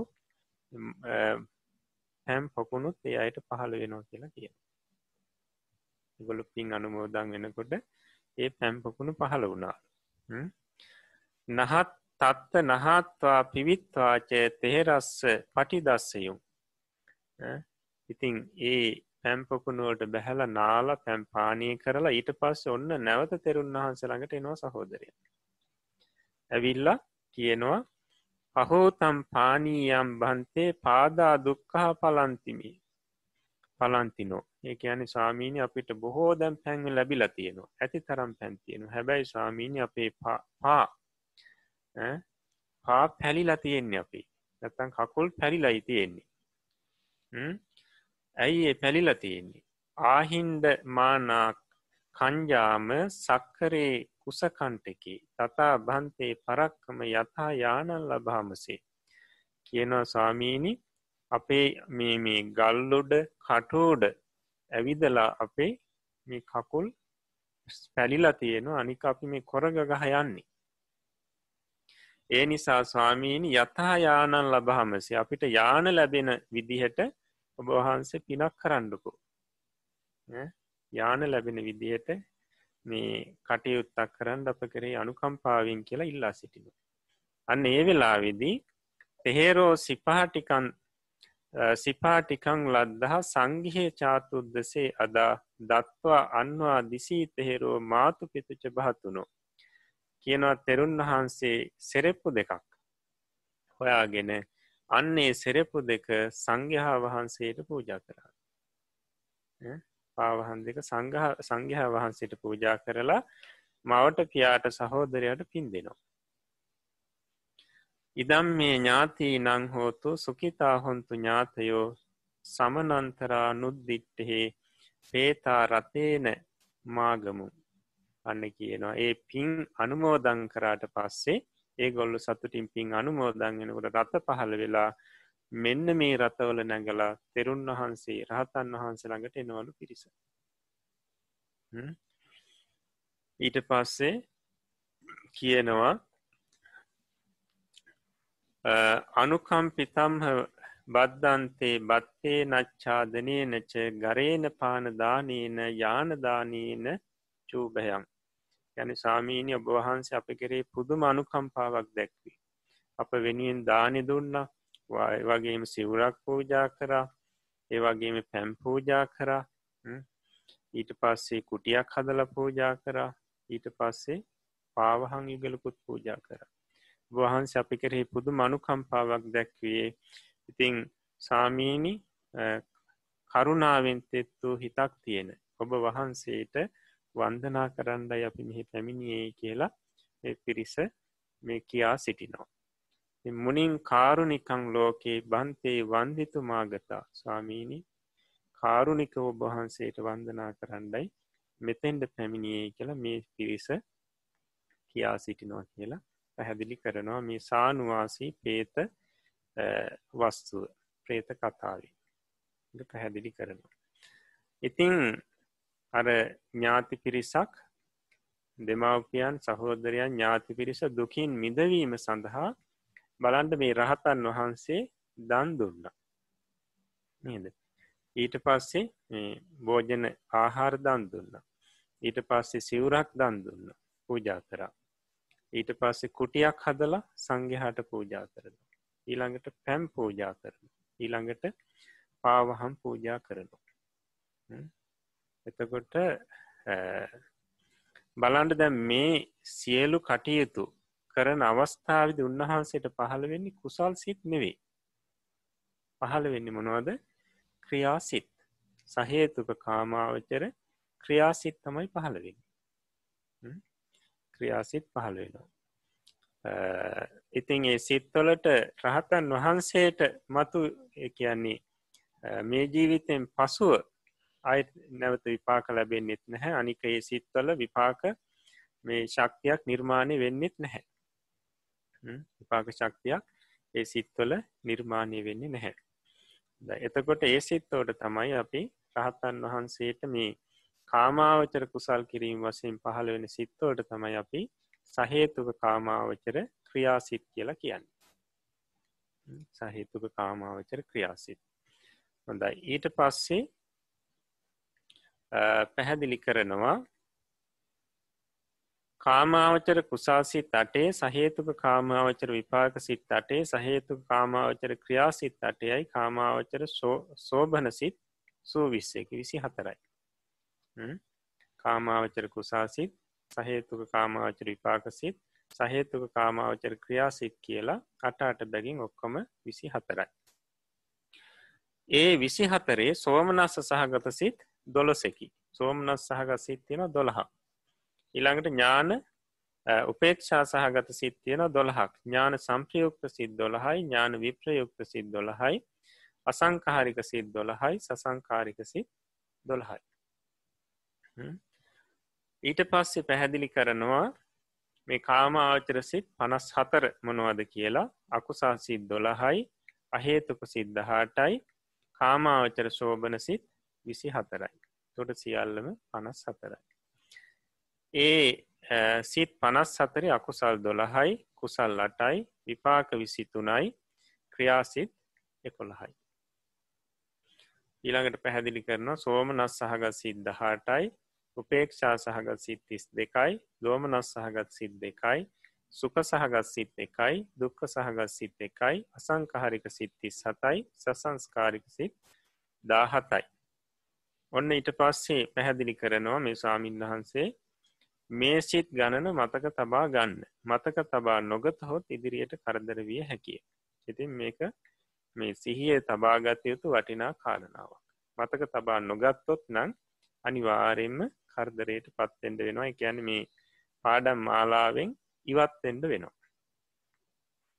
මොකද ඉදිරි පාඩන්ගොල අනිවාරයෙන් මේ මතක අවශ්‍යයි. එකොට මේ මෙතන පැහැදිලි කරන මේ සිත් පනස් අතර සෝමනස සහගත උපේක්ෂා සහගතාදී මේ සිත්. හොඳ එතකොට මේ අපි මේ සිත් ගණන් සෝමනස් සහගතාදී මේ කාමාචර සිත් පනස් හතර යටතේ තියෙන මේ සෝමනස් උපේක්ෂා සහගත සිත් ගැන නැවත අපි පසු විපරමක් කරලා බලමු. මේ වගුවක් ආස්ට්‍රීම් එතකොට තමන්ට මීට වඩා මේක පැහැදිලි වෙයි. හොඳයි. එතකොට කාමාවචර සිත් පනස් හතර කාමාවචර සිත් පනස් හතර එකොට ඔන්න අපිට බලන්න පුළුවන් මුලින්ම තියෙන්නේ අකුසල් සිත්. තැන් කාමාවචර සිත් පනස් හතරි මුලින්මෙන්නේ අකුසල් සිත්. එතකොට අකුසල් සිත් දොළහයි. ලෝභ සහගත සිත් අටයි. ලෝභ මූල සිත් අටයි දේශ මූල සිත් දෙකයි මෝහ මූල සිත් දෙකයි. එතවට ඊළඟට බලන්න දැම්ම සිත කියලා මුලින්ම තියෙන ඉටවස සිට්ටික පිළිවලට දොළහ තියෙනවා. ඊළඟට තියෙනවා සෝස කියලා. අන්න එතන ඒ කියන්නේ සෝමනස්ස සහගත කියන එකයි. ඊළඟට ඌස කියල තියෙනවා. ඒ කියන උපේක්ෂා සහගත කියන එක. ඊළඟට තියෙනවා දෝස කියලා. ඒ ඇනි දෝමනස්ස සහගත කියන එකයි. කෙටියන්ගේ තියෙන ඊළඟට තියෙනවා සූස කියලා. ඒ ඇන සුක සහගත කියන එක. ඊළඟට දූස කියල තියෙනවා. ඒ ඇනි දුක්ක සහගත කියන එක. ඊළඟට අසං කියල තියෙනවා. අසං කියල තියෙන අසංකාරික කියන එකයි. ඊළඟට සසං කියල තියෙනවා. ඒ කියන්නේ සසංස්කාරික කියන එකයි. ඊළඟට තියෙනවා අකු කියලා. අකු කියලා කියන්නේ අකුසල් කියන එක. ඊළඟට තියෙනවා කුස. ඕ ඇතන මට පැහැදිලි පෙනෙන්න කුස කියලනේ තියෙන ඒ ඇනි කුසල් කියන එක. ඊළඟට? ඕ විපාක. විපාක කියන එක තම ඒ කෙටියෙන් තියෙන ඊළඟට? ක්‍රියා. තන තියෙනවා ක්‍රියා කියලා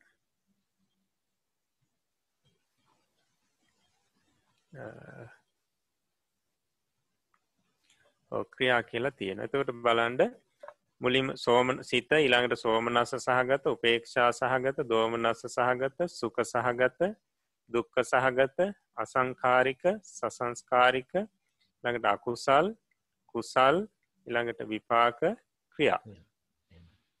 ඔය විදියට තමයි මේ වගේ උඩ ඒ කොටස් වල මේ යෙදිලා තියෙන්නේ මේ ඒවක් කෙටි කරලා තමයි අකුරු වශයෙන් කොටස් වසියෙන් දක්කොලා තිය හොඳයි අපි බලව මේ අකුසා සිත් දොළහේ සෝමනස සහගත සිත්. ඔන්න බලන්ට පලවෙනි සිත සෝමනස්ස සහගතයි. ඊළඟට දෙවැනි සිත සෝමනස්ස සහගතයි. තුන්වෙනි සිත සෝමනංස සහගතයි. හතරවෙනි සිතත් සෝමනංස සහගතයි. එහෙමනන් ඒ එක එක සිතකට අපි අංක දාලා තියෙනවා. ට සිත් හතරක් තියෙනවා. අකුසා සිත් කළ සිත් හතරක් සෝමනස්ස සහගතයි ඊළඟට උපේක්ෂා සහගත සිත් බලන්ඩ ඒ හතරෙන් පසුව තියෙන එකැන පස්සනි අංකේ හයවෙනි අංකේ හත්වනි අංකේ අටවැනි අංකේ යටත තියෙන සිත් හතරම උපේක්ෂා සහගතයි. තකොට එතන ඒ නිසා පිස්සරහින් දාලා තියෙන උපේක්ෂා සහගත කියන කොටුව යටතේ තීරුව යටත එක දෙක තුන හතර කියලා. ඊළඟට මෝහමූල සිද් දෙකත් ගැන කොළහ දොල්හංක දෙක යටත තියෙන සිද් දෙකත් උපේක්ෂා සහගතයි. උපෙක්කා සහගත කියලා තියෙනවා. එතවට බාන්ඩ ඒ දෙක ගත්තහම පහ හය. එතකොට අකුසා සිත් දොලොසේ තියෙන උපේක්ෂා සහගත සිත් හයක්.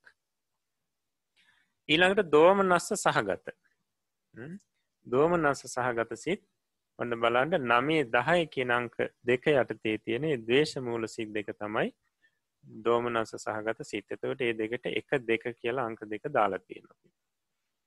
ඊළඟට සුක සහගත සිත්. ඒ තීරය අපි අංක දාලා නැහැ ලකුණු කරලා නෑ මොකද අකුසා සිත් දොළහේ සුක සහගත සිත් නැහැ. ඊළඟට දුක්ක සහගත සිත්. දුක්ක සහගත සිත් කියන තීරුවත් හිස්. ඒ කියන්නේ අකුසල් සිත් යටතේ දුක්ක සහගත සිත් නැහැ. ඊළඟට අසං කියන එක අපි කිව අසංකාරික සිත්. රසංකාරික සිත් බලන්ඩ පලවෙනි සිත. ඊළඟට තුන්වෙනි සිත අසංකාරිකයි ඊළඟට පස්වෙනි සිත. ඊළඟට හත්වැනි සිත. ඊළඟට නවවෙනි සිත. ඊළඟට එකොළහ දොළහා කියන සිත් දෙකම. අපි කිවන්නේ මෝහ මූල සිත් අසංකාරිකයි කියලා. බලන් එතකොට සිත් හතක් තියෙනවා අසංකාරික සිත්. සිත් හතක් අසංකාරිකයි ඊළඟට සසංකාරික සිත්. බලන්ට සසංකාරික සිත් කියන ඒ සසංකාරික කියන තීරුවේ දෙවැනි සිත අකුසල්ල දෙවැනි සිත සසංකාරිකයි ඊළඟට හතරවැනි සිත සසංකාරිකයි ඊළඟට හයවැනි සිත සසංකාරිකයි ඊට පස්සේ අටවැනි සිත සසංකාරිකයි ඊළඟට දහවෙනි සිත සසංකාරිකයි. අන්න බාන්ඩ ඒ නිසා ඒ සිත්තෝට ඉදිරියෙන් එක දෙක තුන්න හතර පහ කියලාංක දැම්ම. එහෙමනම් අකුසා සිත් දොළහේ සසංකාරික සිත්තියනවා පහක්. හොඳයි. ඊළඟට තියෙන්නේ අපිට ඊළඟ කොටස් හතර තියෙනවනි අකුසල් කුසල් විපාක ක්‍රියා කියලා. එහෙමනම් මේ සිත් මුල් සිත් දොළහා අකුසා සිත් හැටියට තමයි අපි සලකන්න. එහෙම තමන් නම් කරලා තියෙන තොට අකුසා සිත් දොළහනි. අන්න ඒ නිසාය දොළහා ඉදිරියෙන්ම අංක දාලා තියෙනවා. එක දෙක තුන හතර පහ හය හත අට නමී දහය එකොළහ දොළහා. බන එහෙමනම් අකුසාසිත් දොළහයි. ඊට පස්සේ මෙතනද අපිට කුසල් තීරුව යටති ලකුණු කරන්න එන්නේ නැහැ. විපාක මේ අකුසා සිත් දොළහා කියන් විපාක සිත් නෙවෙයි. එනිසා එතන ලකුණුවෙන් නිත් නැහැ. ඒවගේ මකුසා සිත් දොළහා කියන ක්‍රියා සිත් නොවෙන නිසා එතන ලකුණු වෙන්නෙත් නැහැ. හොඳයි. අපිට ති අපි බලමු. දැන් කාමාචර සිත් පනස් හතරෙන් දොළහක් අපි ඉගෙන ගත්තා. එහි මේ බේද අපි ඉගෙන ගත්ත. ඊළඟට අපි බලමු. දහතුන දා හතර යටතේ මේ ඉදිරියට තියෙන සිත්. හොඳයි. එතකොට ඔන්න බලන්ඩ දහත්තුන ඊළඟට දහතුන්වෙනි සිත දාහතරනි සිත පාලොස්වනි සිත දාසේවෙනි සිත දාහත්තනි සිත දහටවෙනි සිත දහ නවවෙනි සිත හැටියට සිත් කොට සදක්වනවා ඒ සිට්ටික අපි අරගෙන ගත්තු අහේතුක අකුසල් විපාක සිත්. හොඳයි. එතකොට මෙන්න මේ සිත් හත. තොට මෙතන සිත් හතක් තියෙන අහේතුක අකුසල් විපාක සිත් හත. මේ සිත් හතේ බලන්ඩෝනි සෝමනස සහගත උපේක්ෂා සහගත දෝමනස සහගතාදී සිත් මොනවාද කියන එක. බල මුලින්ම සෝමනස සහගත. සෝමනස සහගත කියන තීරුව හිස්සේ කියන්නේ සෝමනස් සහගත එකදු සිතක්වත් මෙන්න මේ සිත් හතේ නැහැ. ඊළඟට උපේක්ෂා සහගත සිත්. තොට බාණ්ඩ දැන් අපි මුලින් ඉගෙන ගත්තු සිත් දොළහේදී උපේක්ෂා සහගත සිත් අපිට හයක්කාව එතකොට එතන ඉඳල තමයි දැන් අපි මේ බලන්නේ. එහෙමනම් පලවෙනි සිත මේ දහත්තුන්වෙනි සිතත් උපේක්ෂා සහගතයි. එතකොට එකට අංක හත යැනි හත්වනි උපේක්ෂා සහගත සිතේ. ඊළඟට දාහතරනි සිතත් උපේක්ෂා සහගතයි. නම් ඒක අටවෙනි උපේක්ෂා සහගත සිත. ඊළඟට පාලොස්සනි සිතත් උපේක්ෂා සහගතයි. තකට ඒක නවවෙනි උපේක්ෂා සහගත සිත. ඊළඟට දාසේවෙනි සිතත් උපේක්ෂා සහගතයි. එතකොට එහෙමනම් දහවෙනි උපේක්ෂා සහගත සිතයි එනිසා තම දහය අංකෙ දාලතිී. ඊළඟට බාණ්ඩ දහ අටවෙනි සිතත් උපේක්ෂා සහගතයි. එහෙමනම් උපේක්ෂා සහගත සිත් අතර ඒක එකොලොස්වනි සිත. ඊළඟට දහ නම්වෙනි සිතත් උපේක්ෂා සහගතයි සන්තීර්ණ සිත එතකොට උපේක්ෂා සහගත සිත්තුල දොළොස්වනි සිත තමයි ඔය උපේක්ෂා සහගත සන්තීර්ණ සිත. හොඳයි. එකට අහේතුක අකුසල විපාක සිත් අවසං වෙනකොට උපේක්ෂා සහගත සිත් තියෙනවා දොළහා. තොට දෝමනස්ස සහගත සිත් නැහැ. මේ සිත් අතර දෝමනස් සහගත සිත් නැහැ. ඊට පස්සේ සුක සහගත සිත් සුක සහගත සිතුත් නැහැ. ඊළඟ තීරුව තියෙන දුක්ක සහගත සිත් අන්න බන් දුක්ක සහගත සිත් එකක් තියෙනවා මොකක්ද දාහත්ත නියංකයට තියෙන දුක්ක සහගත කායි විඤ්ඥානි එමනම් දුක්ක සහගත සිත් එකයි අපිට මෙතෙක් හම්බුණේ. ඊළඟ තීරුව බලමු අසංකාරික සිත්. එතකොට පිරිසට මතකයි මේ අහේතුක සිත් දහටම අසංකාරික සිත් හැටියටයි සලකන්නේ කියනක පැහැදිලි කරා. සිත් ගණන් ගැනීමේද අසංකාරික සිත් හැටියටයි සලකන්නේ හෙමනම් මෙතන දහත්තුන දාහතර පහළුව දාසේ දාහත දහට දහ නමේ කියනංක යටතේ යෙදනු මේ සිත් හතම අසංකාරිකයි. තොට බලන්ඩ අපිට අකුසා සිත් දොළහෙදී අවසං වෙනකොට අසංකාරික සිත් තිබුණි හතයි දැම් මෙතනිදී අට නමේ දහය එකොළහ දොළහා දහතුන දා හතර කියලා සිද්දා හතරක් ්‍යහේතුක අකුසල විපාක සිත් අවසං වෙනකොට අසංකාරික සිත් දා හතරක් තියෙනවා. ඊළඟට සසංස්කාරික සිත් තීරුවහි සේකැන සසංස්කාරික සිත් නැහැ. එතකොට ඊළඟට අකුසල් සිත්. මෙවා විපාක සිත් නිසා අකුසා සිත් නෙවී. ඊළඟට කුසල්. කුසල් සිතුත් නෙවේ මේවා විපාක. ඊළඟට තියෙනවා විපාක කියලා. අන්න බලන්ඩේ විපාක තීරුවේ ගත්තහම ඒක එක දෙක තුන හතර පහහේ හත කියලාංක දාලා තියෙන කියන්නේ මේ සිත් හතම විපාක සිත්. අහේතු අකුසල් විපාක සිත්. ට බලන්ඩ මේ වෙනකොට අහේතු අකුසල් විපාක සිත් අවසානී දක්වා තකොට විපාක සිත් තියෙන්නේ හතයි. ඊළඟ තීරුව ක්‍රියාසිත්. ඒ ක්‍රියාසිත් තීරුව හිස්සේ ගැන මේ සිත් ක්‍රියාසිත් නොවී. හොඳයි. ඊළඟ කොට සපි බලමු. හොඳයි. එතකොට අපි සිත් දහ නමයක් මුල දිගෙන ගත දැන් තියෙන්නේ කාමාවචට සිත් පනස් හතරේ විසිවෙනි සිත විසි එක්වනි සිත විසි දෙවන සිත විසි තුන්වැනි සිත විසි හතරවනි සිත විසි පස්වනි සිත. ඉළඟට විසි හයවනි සිත විසි හත්වනි සිත විසි අටවනි සිත විසි නම්වනි සිත තිස්වනි සිත. මෙන්න මේ සිට්ටික එතකොට බලන්න මෙතන සිත් එකොළහක් තියෙනවා. එකොළ හමනෝද අහේතුක කුසල විපාක සිත් අටත් ඒ වගේම අහේතුක ක්‍රියාසිත් තුනත් මෙන්න මේ සිත් එකොළහ තමයි මේ විස්ස අංකය ඉඳලා තිහාංකය දක්වා තියෙන්නේ. හොඳ එතකොට අපි බලමු මේ සිත් එකොලොසේ සෝමනස්ස සහගත සිත්. බාණ්ඩ විසි හය අංකේ යටතේ තියෙන සිත ඉස්සරහැන් තියෙනවා අංක පහ.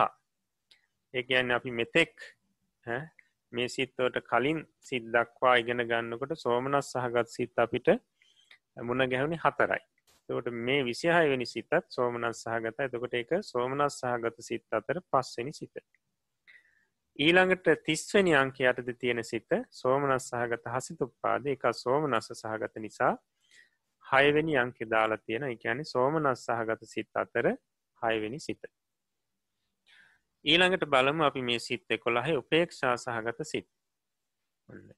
විසිවැනි අංකයටද තියෙන සිත උපේක්ෂා සහගත එහෙමනම් උපේක්ෂා සහගත සිත්වල දහ තුන්වෙනි සිත.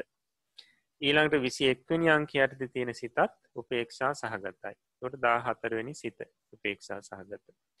විසි දෙවැනි අංකයටද තියෙන සිතත් උපේක්ෂා සහගතයි. ඒ ගැන උපේක්ෂා සහගත පාලොස්වනි සිත.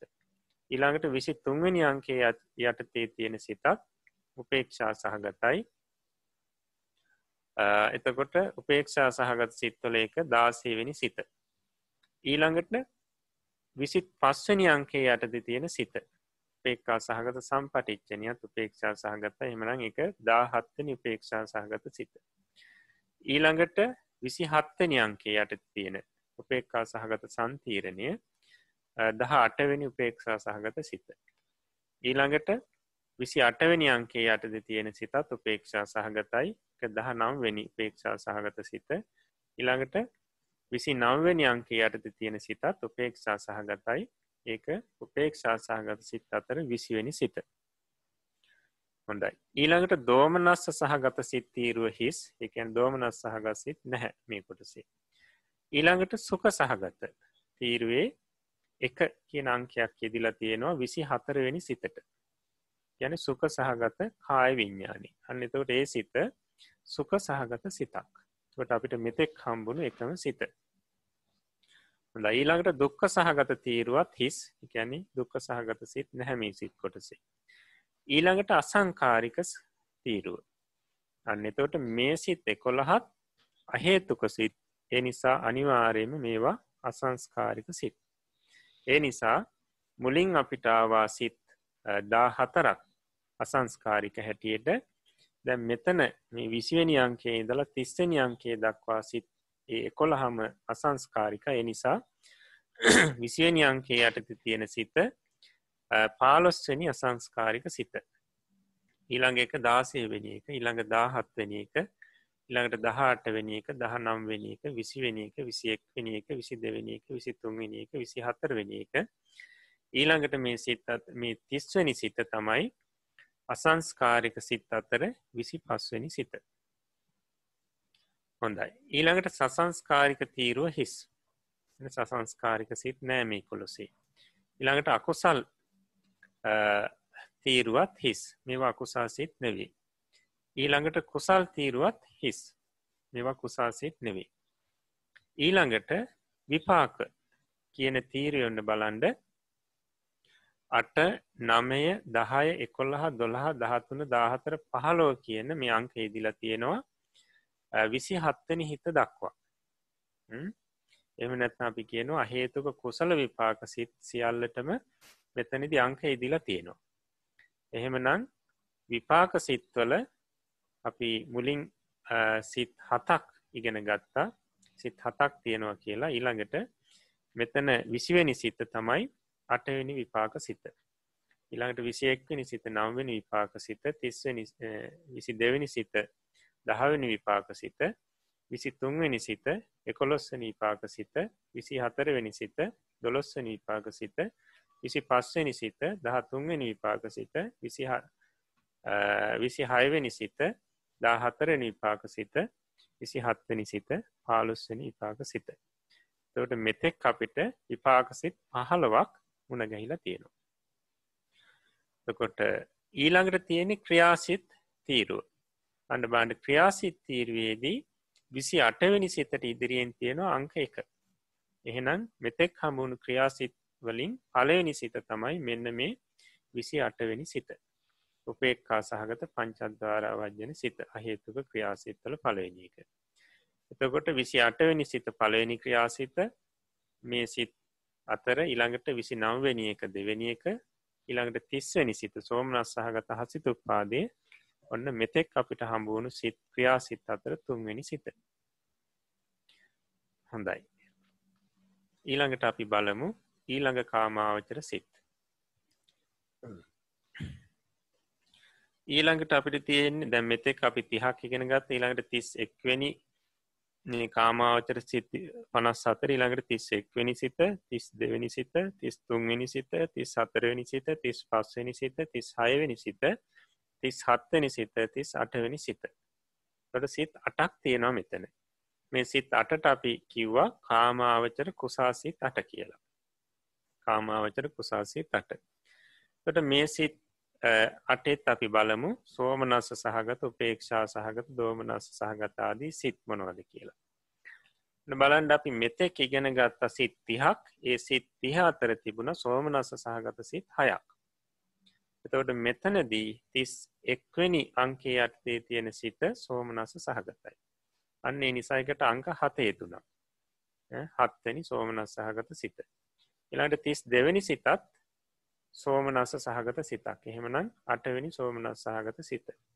ඉළඟට තිස් තුන්වැනි සිතත් සෝමනස් සහගත සිතක් එහමන නවවෙනි සෝමනස් සහගත සිත. ඉළඟට තිස් හතරවෙනි සිතත් සෝමනස්ස සහගත සිතක් එහමනම් මෙතෙක් අපි ගෙනගත්තු සිත් අතර දහවෙනි සෝමනස් සහගත සිත. ඊළඟට උපේක්ෂා සහගත සිත්. උපේක්ෂා සහගත සිත් අපි මෙතෙක් ඉගෙනගෙන තියෙනවා සිත් විස්සක් මෙතෙක් අපිට හමුණා උපේක්ෂා සහගත සිත් විස්සක්. දැම් මේ තිස් පස්වනි අංකේ යටද තියෙන සිතත් උපේක්ෂා සහගතයි. එහෙමනම් උපේක්ෂා සහගත විසි එක්වනි සිත එක. ඊළඟට තිස් හයවනි අංකේ යටද තියෙන සිතත් උපේක්ෂා සහගතයි එනම් විසි දෙවැනි උපේක්ෂා සහගත සිත එක. ඉළඟට තිස් හත්තනි අංකේ යටද තියෙන සිතත් උපේක්ෂා සහගතයි එක විසිත්තුන්වෙනි උපේක්ෂා සහගත සිත. ඊළඟට තිස් අටවැනි අංකේ යටති තියෙන සිතත් උපේක්ෂා සහගත එමනන් මෙතෙක් අපිට හමුවුණු උපේක්ෂා සහගත සිත් අතර විසි හතරවෙනි උපේක්ෂා සහගත සිත. හොඳ ඊළඟට දෝමනස්ස සහගත සිත් තීරුව හිස්. එකැන දෝමනස් සහගත සිත් මේ සිත්තාට අතරෙන් නැහැ. ඉළඟට සුක සහගත තීරුවත් හිස්. සුක සහගත් සිත් නැහැ මේ සිත්තට අතරේ. දුක්ක සහගත කියන තීරුවත් හිස්. එමනම් මේ සිත් අට අතර දුක්ක සහගත් සිත් නැහැ. ඊළඟට අසංස්කාරික සිත්තීරුව බලන්ඩ මෙතෙක් අපි ඉගෙන ගත්ත සිත්තිහක් ඊට කලින් ගෙන ගත්තා ඒ අතර තිබුණ අසංස්කාරික සිත් විසි පහක් එතකොට මේ තිස් එක්වනි සිතත් අසංකාරික සිතක්. එමනම් අසංකාරික විසි හයවෙනි සිත එක. ඊළඟට තිස් තුන්වනි අංකේ යටද තියෙන සිතත් අසංකාරික සිතක්. ඒක විසි හත්වනි අසංකාරික සිත. ඊළඟට තිස් පස්වනි අංකේ යටද තියෙන සිතත් අසංකාරික සිතක් ඒක විසි අට්වෙන අටවෙනි අසංකාරික සිත. ඊළඟට තිස් හත්තනි අංකේ යටද තියෙන සිතත් අසංකාරික සිතක් ඒක විසි නවවෙනි අසංකාරික සිත. හොඳයි. ඊළඟට සසංස්කාරික සිත් මෙතෙක් අපි සසංස්කාරික සිත් පහක් ඉගෙන ගත්තා. සසංස්කාරික සිත් පහක් ඉගෙන ගත්ත ඒ පහම තිබුණේ අකුසල් සිත්ත යටතේ. දැම්බලන්ඩ මෙතනදි තිස් දෙවැනි සිත සසංස්කාරිකයි. තිස් දෙවැනි සිත සසංකාරිකයි එනම් හයවෙනි සසංස්කාරික සිත. ඊළඟට තිස් හතරවෙනි සිතත් සසංකාරිකයි එහෙනම් හත්වනි සසංස්කාරික සිත. ඊළඟට තිස් හයවෙනි සිතත් සසංකාරිකයි කොට අටවෙනි සසංස්කාරික සිත එක. ඊළඟට තිස් අටවෙනි සිතත් සසංස්කාරිකයි එක. නවවෙනි සසංස්කාරික සිත. හොඳ ඊළඟ තීරුව අකුසල් තීරුව. කොට මේවා අකුසල් සිත් නෙවේ එනිසායි තීරුව හිස්ව තියෙනවා. ඊළඟට කුසල්. අන්න කුසල් සිත් කියන තීරුව සම්පූර්ණ වෙලා තියෙනවා. එක දෙක තුන හතර පහ හය හත අට වසයෙන් ඒ සිත් අට ඉස්සරහම අංක ඉදිලා තියෙනවා. එහෙමනම් මෙතන කියන සිත් අටම කුසල් සිත්. මේ සිත් අටම කුසල් සිත් එතකොට කුසල් සිත් අටක් අපිට මෙතෙක් හමුවෙලා තියෙන ඊළඟට තියෙන විපාක සිත් කියන තීරුව ඒ තීරුව හිස්. ඒ ගැන විපාක සිත් මෙතන නැහැ. ඊළඟට ක්‍රියාසිත් කියන තීරුව ඒකත් තිස් ඒ කියන්නේ ක්‍රියාසිත් මේ සිත් අට අතරි නැහැ. හොඳයි. දැන් අපි තිස් සිත් තිස් අටක් මෙතෙක් එනකොට මෙතෙක් ඉගෙන ගත්තා. එකැන කාමාවචර සිත් පනස් හතරෙන් සිත් තිස් අටක් ඉගෙන ගත්තා. දැන් ඊළඟට ඉතුරු සිට්ටික එතකොට ඊළඟට තියෙන්නේ තිස් නමය හතලිහ හතලිස් එක හතලිස් දෙක හතලිස් තුන හතලිස් සතර හතලිස් පා හතලිස් හය කියන මේ සිත් අට. යන්නේ කාමාවචට සිත් පනස් හතරේ හතලිස් තිස් නමේ දලා හතලිස් හය දක්වා තියෙන සිත් අට. මේ සිත් අටට අපි කියනවා සහේතුක කාමාවචර විපාක සිත් අට කියලා. මේ සිත් අටේ අපි බලමු සෝමනස්ස සහගත සිත් කොතෙක් තියෙනවද කියලා. එතකොට අපි මෙතේක ගෙන ගත්තු සිත්තිස් අටේදී තිබුණ සෝමනස් සහගත සිත් දහයක්. දැන් තිස් නවවැනි සිත සෝමනස්ස සහගත හෙමනම් එක එකොලොස්වනි සෝමනස් සහගත සිත. හතලෙස්වෙන සිතා සෝමනස් සහගතා එතකොට එක දොළොස්වැනි සෝමනස් සහගත සිත. හතලිස් එක්වනි සිතා සෝමනස් සහගතයි. දහත්තුන්වනි සෝමනස්ස සහගත සිතේක හතලිස් දෙවැනි සිතා සෝමනස් සහගතා එහමනං එක දා හතරවෙනි සෝමනස් සහගත සිත. ඊළඟට උපේක්ෂා සහගත තීරුව බලන්ඩ ඒකෙදී හතලිස් තුන්වැනි සිත ඉස්සරහ තියෙනවා විසි පස්වනි අංකේ එහෙමනං අපි මීට කලින් සිත්තිස් අටක් ඉගෙන ගත්තා. ඒ තිස් සිත්තිස් අටේ තිබුණා උපේක්ෂා සහගත් සිත් විසි හතර දැම් මේ හතලිස් තුන්වැනි සිතත් උපේක්ෂා සහගත නිසා ඒක විසි පස්වනි උපේක්ෂා සහගත සිත හතලිස් හතරනි සිතත් උපේක්ෂා සහගත එක විසි හයවනි උපේක්ෂා සහගත සිත. හතලිස් පස්වනි සිතත් උපේක්ෂා සහගත එක විසි හත්වනි උපේක්ෂා සහගත සිත. හතලිස් හයවනි සිතත් උපේක්ෂා සහගත එක විසි අටවෙනි උපේක්ෂා සහගත සිත. ඉළඟට දෝමනස සහගත තීරුව හිස් ගැන මේ අට අතර දෝමනස් සහගත සිත් නැහැ. සුක සහගත තීරුවත් හිස්. සුක සහගත සිතුත් මේ අතර නැහැ. දුක්ක සහගත කියන තීරුවත් හිස් දුක්ක සහගත් සිතුත් මේ අතර නැහැ. අසංස්කාරික සිත් කියන තීරුව ඉළඟට අපි බලමු. එතකොට මෙතෙක් අපි ඉගෙන ගත්න ඉගෙන ගත්තු සිත් අතර අසංස්කාරික සිත් විසි නමයක් තිබුණා. දැම් බලන්ඩ තිස් නවවෙනි සිතත් අසංකාරිකයි. එහෙමනම් එක තිස්වනි අසංස්කාරික සිත්ත. ඊළඟට හතලිස් එක්වනි සිතත් අසංකාරිකයි ඒක තිස් එක්වනි අසංකාරික සිත. ඊළඟට හතලිස් තුන්වනි සිතත් අසංකාරික එක තිස් දෙවැනි අසංකාරික සිත. ඊළඟට හතලිස් පස්වනි සිතත් අසංකාරිකයි එක තිස් තුන්වැනි අසංකාරික සිත. ඊළඟට සසංස්කාරික සිත් බලන්න. මෙතෙක් අපි ඉගෙන ගත්ත සසංස්කාරික සිත් නමයක් දැම් මේ හතලෙස් වෙනි සිත සසංස්කාරික සිතා. එහෙමනම් එක දහවෙනි සසංකාරික සිත. ඊළඟට හතලිස් දෙවැනි සිතත් සසංකාරික ඒක එකොලොස්වනි සසංකාරික සිත. ඊළඟට හතලිස් හතරවනි සිත සසංස්කාරිකයි එක දොළොස්වනි සසංස්කාරික සිත. හතලිස් හයවැනි සිත සසංකාරිකයි ඒක දහත්තුන්වැනි සසංකාරික සිත. ඊළඟට බාණ්ඩ අකුසල් සිත් තීරුව හිස් අකුසල් සිත් මේකි නැහැ. ඉළඟට කුසල් සිත් කියන තීරුවත් හිස් කුසල් සිත් මේ අටේ නැහැ. ඊළඟට විපාක සිත් අන්න බඩ විපාක සිත් කියන ස්තීරුවේ සම්පූර්ණයෙන්ම අංක ඉදිලා තියෙනවා. තොට මෙතෙක් අප ඉගෙන ගත්තු සිත් අතර ගැන සිත් තිස් අටකදී අපිට සිත් පහළොවක් ආව විපාක සිත්. ඒ පහළවම අර අහේතුක විපාක සිත් ටික. ඊට පස්සේ අපිට විපාක සිත් මුණගහෙන්නේ මෙන්න මේ සහේතුක කාමාවචර විපාක සිත් වල. ට බලන්ඩ තිස් නවවැනි සිතත් විපාක සිතක්. එක දාසයවෙනි විපාක සිත. හතලෙස්වනි සිතත් විපාක සිතක. එක දාහත්වනි විපාක සිත. හතලිස් එක්වනි සිත විපාක සිතත් දහටවනි විපාක සිත. හතලිස් දෙවනි සිතත් විපාක සිතත් දහ නම්වනි විපාක සිත. එක හතලිස් තුන්වනි සිතත් විපාක සිතක් එක විසි වෙනි විපාක සිත. හතලිස් හතරනි සිතත් විපාක සිතක් එක විසි එක්වනි විපාක සිත. හතලිස් පස්වනි සිතත් විපාක සිතක් ඒක විසි දෙවැනි විපාක සිත. හතලි සයවෙනි සිතත් විපාක සිතක් ඒක විසි තුන්වැනි විපාක සිත. ඉළඟට ක්‍රියාසිත් තීරුව හිස්. එමනම් ක්‍රියාසිත් මේ අට අතර නැහැ. හොඳයි. එතකොට අපි හතලිස් හයක් කාමාවචර සිත් පනස් හතරෙන් හතලිස් හයක් සිත් ඉගෙන ගත්තද? ඊළඟට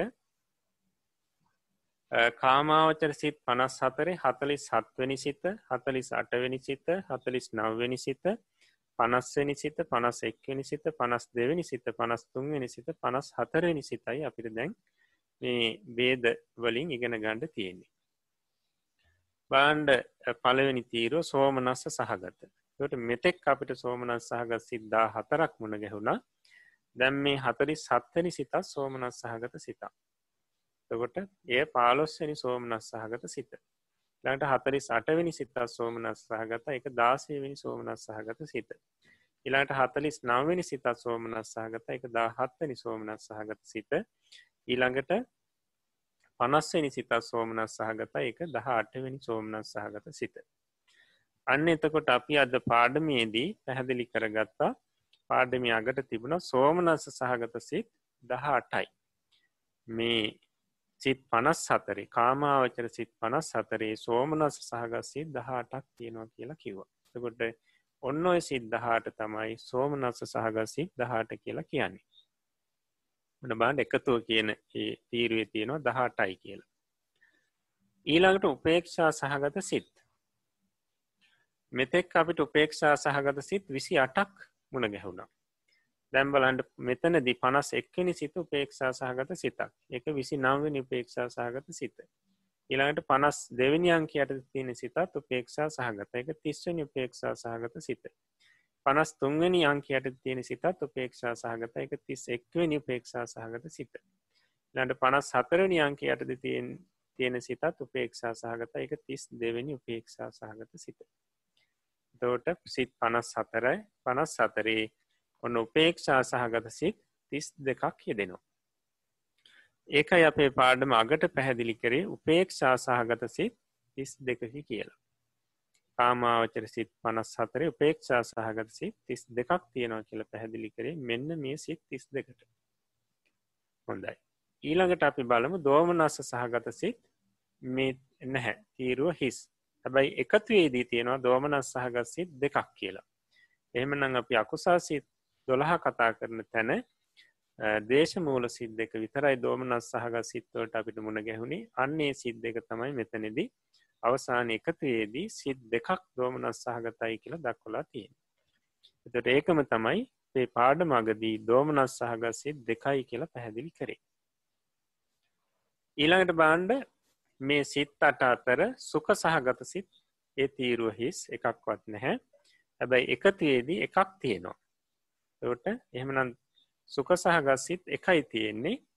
ඒ අපිට මුණ ගැහුණේ අහේතුක සිද්ධහාටයේදී අර අහේතුක කුසල විපාක සිත් අටේ එකක් තිබුණ සුක සහගත කාය විඤ්ඥානී කියලා. ඒ සිත පමණයි සුක සහගත සිතකට තියෙන්නේ කාමාවචර සිත් පනස් හතරෙන හොඳයි. ඒක තමයි පාඩම අගට කීවේ සුක සහගත සිත් එකයි කියලා. ඊළඟට දුක්ක සහගත සිත්. බලන්ඩේ තීරුව හිස් මේ සිත් අට සම්බන්ධයෙන් බැ අග එකතු ඒදි තියෙනවා එකක්. අපිට කලින් මුණ ගැහුණා අහේතුක අකුසල විපාක යටතේ දුක්ක සහගත කාය විඤ්ඥානී කියල සිතක් අන්නේ සිත තමයි මේ දුක්ක සහගත සිතකට මේ සිත් පනස් හතරටම තියෙන්නේ. එමන ඒ නිසා තමයි පාඩම අගටත් පැහැදිලි කරේ දුක්ක සහගස්සිත් එකයි කියලා. හොඳයි. ඊළඟට අසංස්කාරික සිත්. බලන්ඩ මේ සිත් අට අතර හතරි සත්වනි සිත අසංස්කාරිකයි. ඒක තිස් හතරවෙනි අසංස්කාරික සිත. ඊළඟට හතලිස් නවවෙනි සිතත් අසංස්කාරිකයි. ඒක තිස් පස්වෙනි අසංකාරික සිත. ඊළඟට පනස් එක්වනි සිතත් අසංස්කාරික. ඒක තිස් හයනි අසංකාරික සිත. ඊළඟට පනස් තුන්වෙනි සිතත් අසංකාරික ඒක තිස් හත්වනි අසංස්කාරික සිත. එතකොට මෙතෙක් අපිට සිත් පනස් හතරේ සම්පූර්ණම මුණගැහිල තියෙනවා අසංස්කාරික සිත් තිස් හතක් අන්න ඒක තමයි අර පාඩ මගට කිවී අසංකාරික සිත් තිස් හතකි කියලා කාමාවච්චර සිත් පනස් සතරේ අසංස්කාරික සිත් තිස් හතයි ඊළඟට බාණ්ඩ සසංස්කාරික සිත් තීරවේදී හතලි සටවෙනි සිත සසංස්කාරික. ඒක සසංස්කාරික සිත්වල දා හතරවෙනි සිත. ඊළඟට පනස්වනි සිතත් සසංස්කාරිකයි. ඒක පාලොස්වනි සසංස්කාරික සිත. ඊළඟට පනස් දෙවැනි සිතත් සසංකාරිකයි එක දාසේවැනි සසංස්කාරික සිත. ඊළඟට පනස් හතරවැනි අවසාන සිතත් සසංස්කාරිකයි. ඒක දාහත්වනි සසංස්කාරික සිත. එමනම් සිත් දාහතයි තියෙන්නේ සසංස්කාරි එනම් කාමාවචර සිත් පනස් හතරේ සසංස්කාරික සිත් දා හතයි එකතුවේද එකයි දක්කොලා තියෙන්නේ. අන්න ඒක තමයි අර අපේ පාඩ මගට අද පැහැදිලි කරේ සසංස්කාරික සිත්දා හතකි කියලා. හොඳයි. ඊළඟට අකුසල් කියන තීරුව මේ සිත් අට සම්බන්ධයෙන් හිස් එක ලකුණු අංකේ දිල නැහැ. කියන්නේ අකුසල් සිත් නැහැ. නමුත් එකතුවේදී තියෙනවා දොළහක්. ඒ දොළහ තමාර අපි මුලින්ම කතා කරපු අකුසල් සිත් දොළහ. එහෙම නං කාමාවචර සිත් පනස් සතරය අකුසා සිත් තියෙන්නේ දොළහයි. හොඳයි. ඒක තමයි පාඩම අගට දක්කොලා තිබුණේ කාම කාමසිත් සුව පනසෙහි අකුසා සිත් දොළොසකි කියලා. ඊළඟට කුසල් සිත් කියන තීරුව. බලන්ඩ මෙතනෙදි මේ සිත් අට සම්බන්ධයෙන් අංක ඉදිල නෑ ඒ කියන්නේ මේ සිත් අට කුසල් ගනීට ගැනින්නේ නැහැ. නමුත් එකතු වේදී තියෙනවා අටයි කියලා. අන්න ඒව තමයි අර කාමාවචර කුසා සිත් අට කියලා අපිට කලින් මුණ ගැහුණු අට. ඒක තමයි මේ පාඩ මගට කිව්වේ කාමසිත් සූ පනසෙහි කුසාසිත් අටකි කියලා. ඔන්න සිත් අටට. ඊළඟට බලන්ඩ විපාක සිත් කියන තීරුවත් මෙතන දිහිස් හැබැයි එකතු වේදී තියෙනවා විසිත්තුනක් සිත්. ඒ කියන්නේ කාමාවචර සිත් පනස් සතරේ සිත් විසිතුනක් තියෙනවා විපාක සිත්. විපාක සිත් විසිතුනයි. එතකොට ඒක තමයි පාඩම අගට කිව්වේ කාමසිත් සූ පනසෙහි විපාකසිත් තෙවිස්සකි කියලා. විපාකසිත් විසිත්තුනක් තකොට අහේතුකවලදි විපාක පහළුවක් මුණ ගැහුණා. ඊට පස්සේ කාමාවචර සහේතුක කාමාවචර විපාක සිත් අටයි. මෙන්න මේටික එකතෙනකට තමයි විසිත්තුනක් සිත්තෙන්නේ ඊළඟට බලන්ඩ ක්‍රියාසිත් කියන තීරුවේදී අන්න අංකේදිලා තියෙනවා. දකොට හතර පහ හය හත අට නමය දහ එකොළහ. ට මුලින් අපිට ක්‍රියාසිත් තුනක් හමු වුණා. මෙතන මේ හතලිස් හත හතලිස් අට ඉඳලා පනස් හතරවැනි සිත දක්වාම මේ සිත් සියල්ලම ක්‍රියාසිත්. ඒ නිසා තමයි මේ අංක යෙදිලා තියෙන් බාණ්ඩ අවසානිදි පනස් හතරනි සිත කියලා කියන්නේ එකොලොස්වනි ක්‍රියාසිත. එකොලොස්වනි ක්‍රියාසිත. එහෙමනම් සම්පූර්ණ ක්‍රියාසිත් කියත් තියෙනද එකොළහක්. ඒක තමයි පාඩ මගට පැහැදිලි කරේ කාම සිත්සූ පනසෙහි අකුසල් සිත් මේ කාම සිත්සූ පනසෙහි ක්‍රියාසිත් එකොළොසකි කියලා. කාම සිත්සූ පනසෙහි ක්‍රියාසිත් එකොළොසකී කියලා පැහැදිලි කරේ ඔන්න ඔය සිත් එකොළහට හොඳයි. එතකොට මම හිතනවා කාමාවචර සිත් පනස් හතර සම්බන්ධයෙන් පිරිසට ඉතාම පිරිසිදු දැනුමක් මේ තුළින් ලැබුණ කියලා. ගොද මෙච්චර දුරට මේ පැහැදිලි කරන්න අපි මේ ටික හොඳට දැනගෙන ඉන්ඩෝනි මේ අභිධර්ම ඉදිරියට යන්ඩ ඒ නිසා තමා නැවත නැවත මේ සිත් ගණන් ඒ වගේ මේ වල ප්‍රබේද ආදිය මේ වගු ගත කරල පවා මේ පැහැදිලි කරන්නේ. මේ ටික හොඳට දැනගෙන ඉන්දෝනි මතකේ තියෙන්ඩෝනි අපිට ඉස්සරහට යන්ඩ හොඳයි. ඊළඟට අපි බලමු පාඩමට අදාළ ප්‍රශ්න. එතකොට බලන්ඩ ප්‍රශ්නවලදි තියෙනවා පලවෙනි එක හැටියට ප්‍රශ්නමති පහක් තියෙනවා පලවෙනි ප්‍රශ්නය සහේතුක කාමාවචර විපාක අටවැදෑරුම් වන්නේ කෙසේද ඉළඟට දෙවෙනි එක කාමාවචර කුසලයෙන් ඇති කරන්නේ සහේතුක කාමාවචර විපාකට පමණක්ද. තුන්වෙනි එක කාමාවචර කුසලයෙන් ඇති කරන විපාක සම්පූර්ණයෙන් කොතෙක්ද. හතර සහේතුක කාමාවචර ක්‍රියාවලත් කාමාවචර කුසලේත් වෙනස කවරේද. ඊළඟට පස්සෙන එක කාමාවචර සිත් සිව් පනස වේදනා බෙහෙදයෙන් බෙදනු. වේදනා බෙහෙදයෙන් බෙදනු. හොඳයි මේ ප්‍රශ්න පහට පිළිතුරු ලියාගෙනෙන්ට අපි ඊළඟ දවස මුලින්ම මේ ප්‍රශ්න සාකච්ඡා උත්තර සාකච්ඡා කරමු. හොඳ ඊළඟට අපිට අපි අභිධර්ම පාඩම් මෙතකින් හමාර කරන ඊළඟට තියන්න අපිට පාලි පාඩම පාලි පාඩමට අපි අදාළ මුලින් ඔය පුරිෂ ශබ්දය විදිහට වරණැන් වෙන ශබ්ද කීපයක් අපි වරණගණ්ඩ කියලා දුන්නා. ඒ අතර අපිට අපි අදත් ශබ්ද දෙකක් වර නැංවෙන ආකාරී පෙන්න්නනවා දාස ශබ්දය මුල් එක. බලන්ඩ ලියල තියෙනටි කැරම් බලාගණ්ඩ නිවරදිව ලියල තියෙනවාද කියලා. එතකොට බාන්ඩ දාස් ශබ්දය පටමා. දාසෝ ළඟට දාසා. එතවට තමන්ට මේවල සිංහල තේරුම් බලාගණ්ඩ පුළුවන්. එනිසාමං සිංහල තේරුම දක්වන්ඩ යන්නේ නැහැ. ඊළඟට දොතියා. දාසං දාසේ. ඉළඟට තතියා. දාසේන දාසේබි දාසේහි. තොට මේ දාසෝ කියන එක සාමාන්‍ය අපි ගත්තහම තේරුණම දාසයා කියන එකයි. චතුත්ති දාසාය දාසස්ස දාසානං පංචමී දාසා දාසම්හා දාසස්මා දාසේබි දාසේහි. ඉළඟට චට්ටි දාසස්ස දාසානං. ඉළඟට සත්තමි දාසේ දාසම්හි දාසස්මින් දාසේසු. ඉළඟට කරන දාසේන දාසේබි දාසේහි. ඉළඟට ආලපන දාස දාසා. බහුවචන දාසා. හොඳයි. ඊළඟට අපි බලමු. පුත්ත ශබ්දය.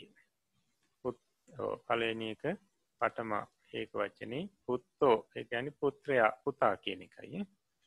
ඉළඟට පුත්තා. ඉළඟට දුතියා. පුත්තං පුත්තේ සතියා. පුත්තේන පුත්තේබි පුත්තේහි. චතුත්ති පුත්තාය පුත්තස්ස පුත්තානං. පංචමි. පුත්තා පුත්තම්හා පුත්තස්මා පුත්තේබි පුත්තේහි. චට්ටි. පුත්තස්ස. පුත්තානං. සත්තමී. පුත්තේ පුත්තම්හි පුත්තස්මින් පුත්තේසු. කරන පුත්තේන පුත්තේබි පුත්තේහි. ආලපන. පුත්ත පුත්තා පුත්තා. හොඳ ඊළඟට අපි දුන්න ක්‍රියාපද වරණංවන්ඩ පච්චති කියන ක්‍රියා විදිහට ක්‍රියාපද කොට සත්දුන්න වරනං වඩි කියල. බලම් පලන එක ගච්චති කියන ක්‍රියාපදේ. එදත් අපි මේක පැහැදිලි කරා. පටම් පුරුසි ගච්චති ගච්චන් යයි යත්. මජ්ජිම් පුරුස ගච්චසි යහි. ගච්චත යහු. ට ගච්ඡාමි යමි. ගච්ඡාම යමු. හොඳයි. ඊළඟ එක බලමු අපි. තිට්ටති කියන එක අර්ථය සිටි කියන අර්ථය. කියැන් හිටගෙනන්නවා කියන එක. බලමු. පටම් පුරුසි තිට්ටති සිටි තිට්ටහන්ති සිටිත් ඉළඟට මජ්ජීම් පුරිස තිට්ටසි සිටිහි තිට්ටත සිටිහු ඉළඟට උත්තම් පුරුස තිට්ටහාමි සිටිමි තිට්ටහාම සිටිමු හොඳයි. ඊළඟට නිසීදති හින්දි ඒකැන ඉඳගෙන ඉන්නවා කියන එක. හොඳයි. මේක බලන්ඩ මං පාලි පද විතරයි කියන සිංහල අර්ථය මේක දක්වන නිසායක බල්ල තමන්ට තේරුම් ගණ්ඩ පුළුවන්. නිසීදති. ඉළඟට නිසී දන්ති ඉළඟට මජ්ජීම් පුරිස. නිසී දසි නිසී දෙත ඉළඟට උත්තම් පුරිස. නිසීදාමි. නිසීදාම. ඊළඟට සාහිති කියන එක. සහිත කියන එක අර්ථය නිදයි නිදාගන්නවා කියන එක. ඒක වච්චන බහුවච්චන පටම් පුරිස සයති ලාට බහුවචන සයන්ති. මජ්ජිම් පුරිස සයසි සයත්හ උත්තම් පුරිස සයාමි සයාම බහුවච්චන හොඳයි. ඊළඟට කීලති. අර්ථය ක්‍රීඩා කරනවා කියන එක. ක්‍රීඩා කරයි.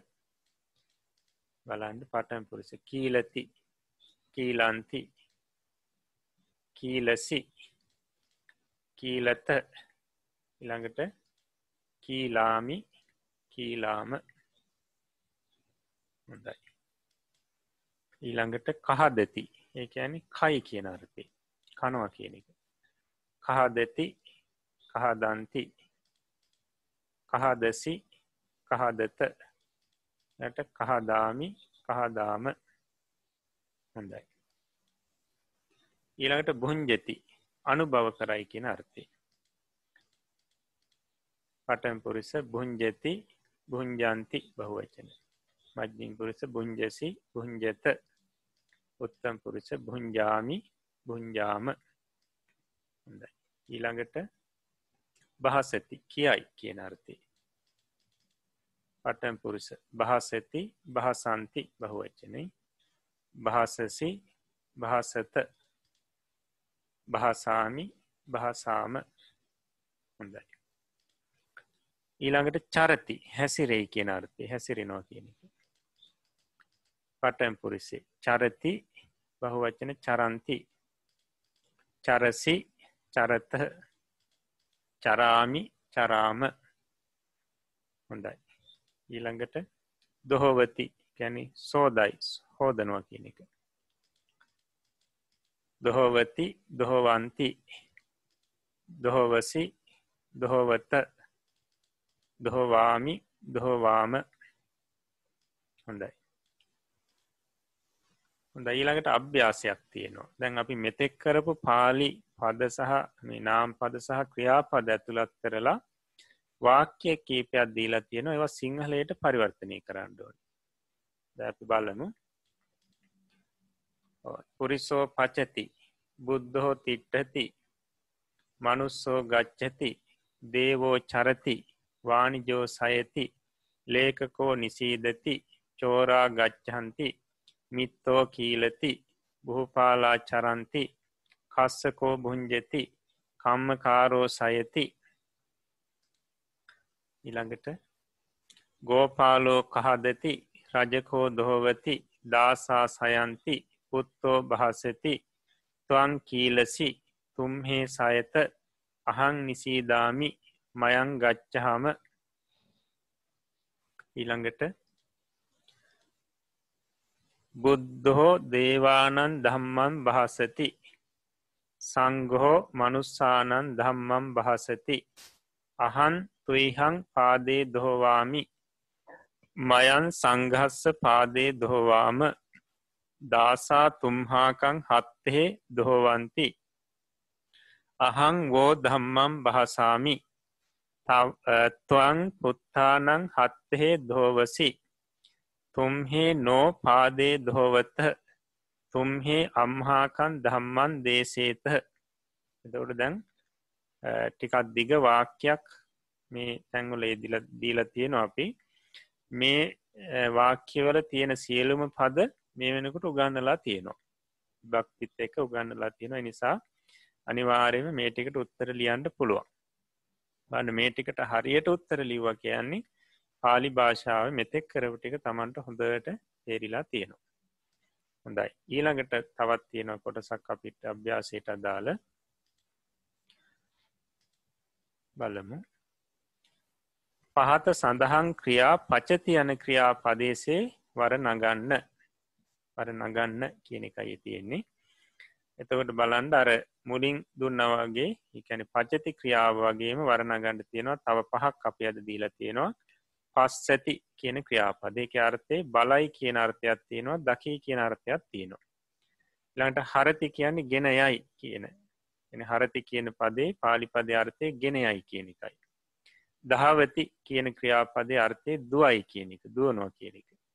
ලිකහති කියලා කියන්නේ ක්‍යාර්ථය ලියයි කියන එක ලියනවා කියන එක. වසති කියන්නේ පාලිපදේ එක අර්ථය වසයි කැන වාසය කරනවා කියන එක.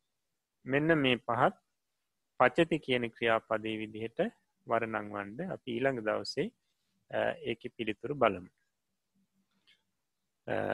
හොඳ එතකොට විශේෂයම මතක තියාගන්න අර දුන්නු වාක්‍ය ටික සිංහලයට පරිවර්තනය කරන අතරටම බලන්ඩ තමන් ඒ වාක්‍ය හැදිලා තියෙන හැටි.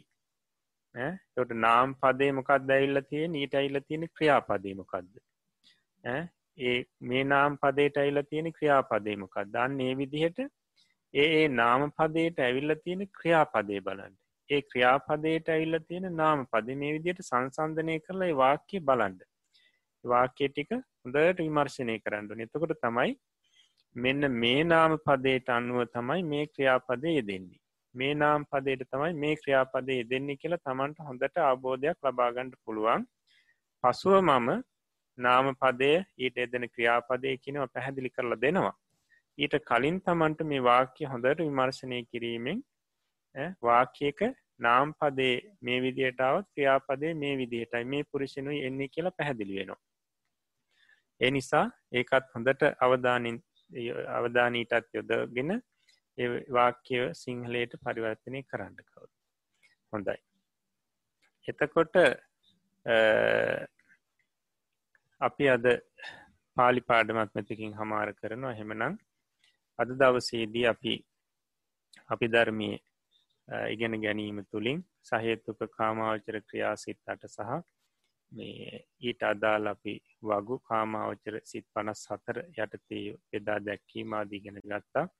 යඟට පාලි පාඩමට අදාලත් අපි අද ශබ්ද කීපයක් ක්‍රියාපද කීපයක් ඉගෙන ගත්තා.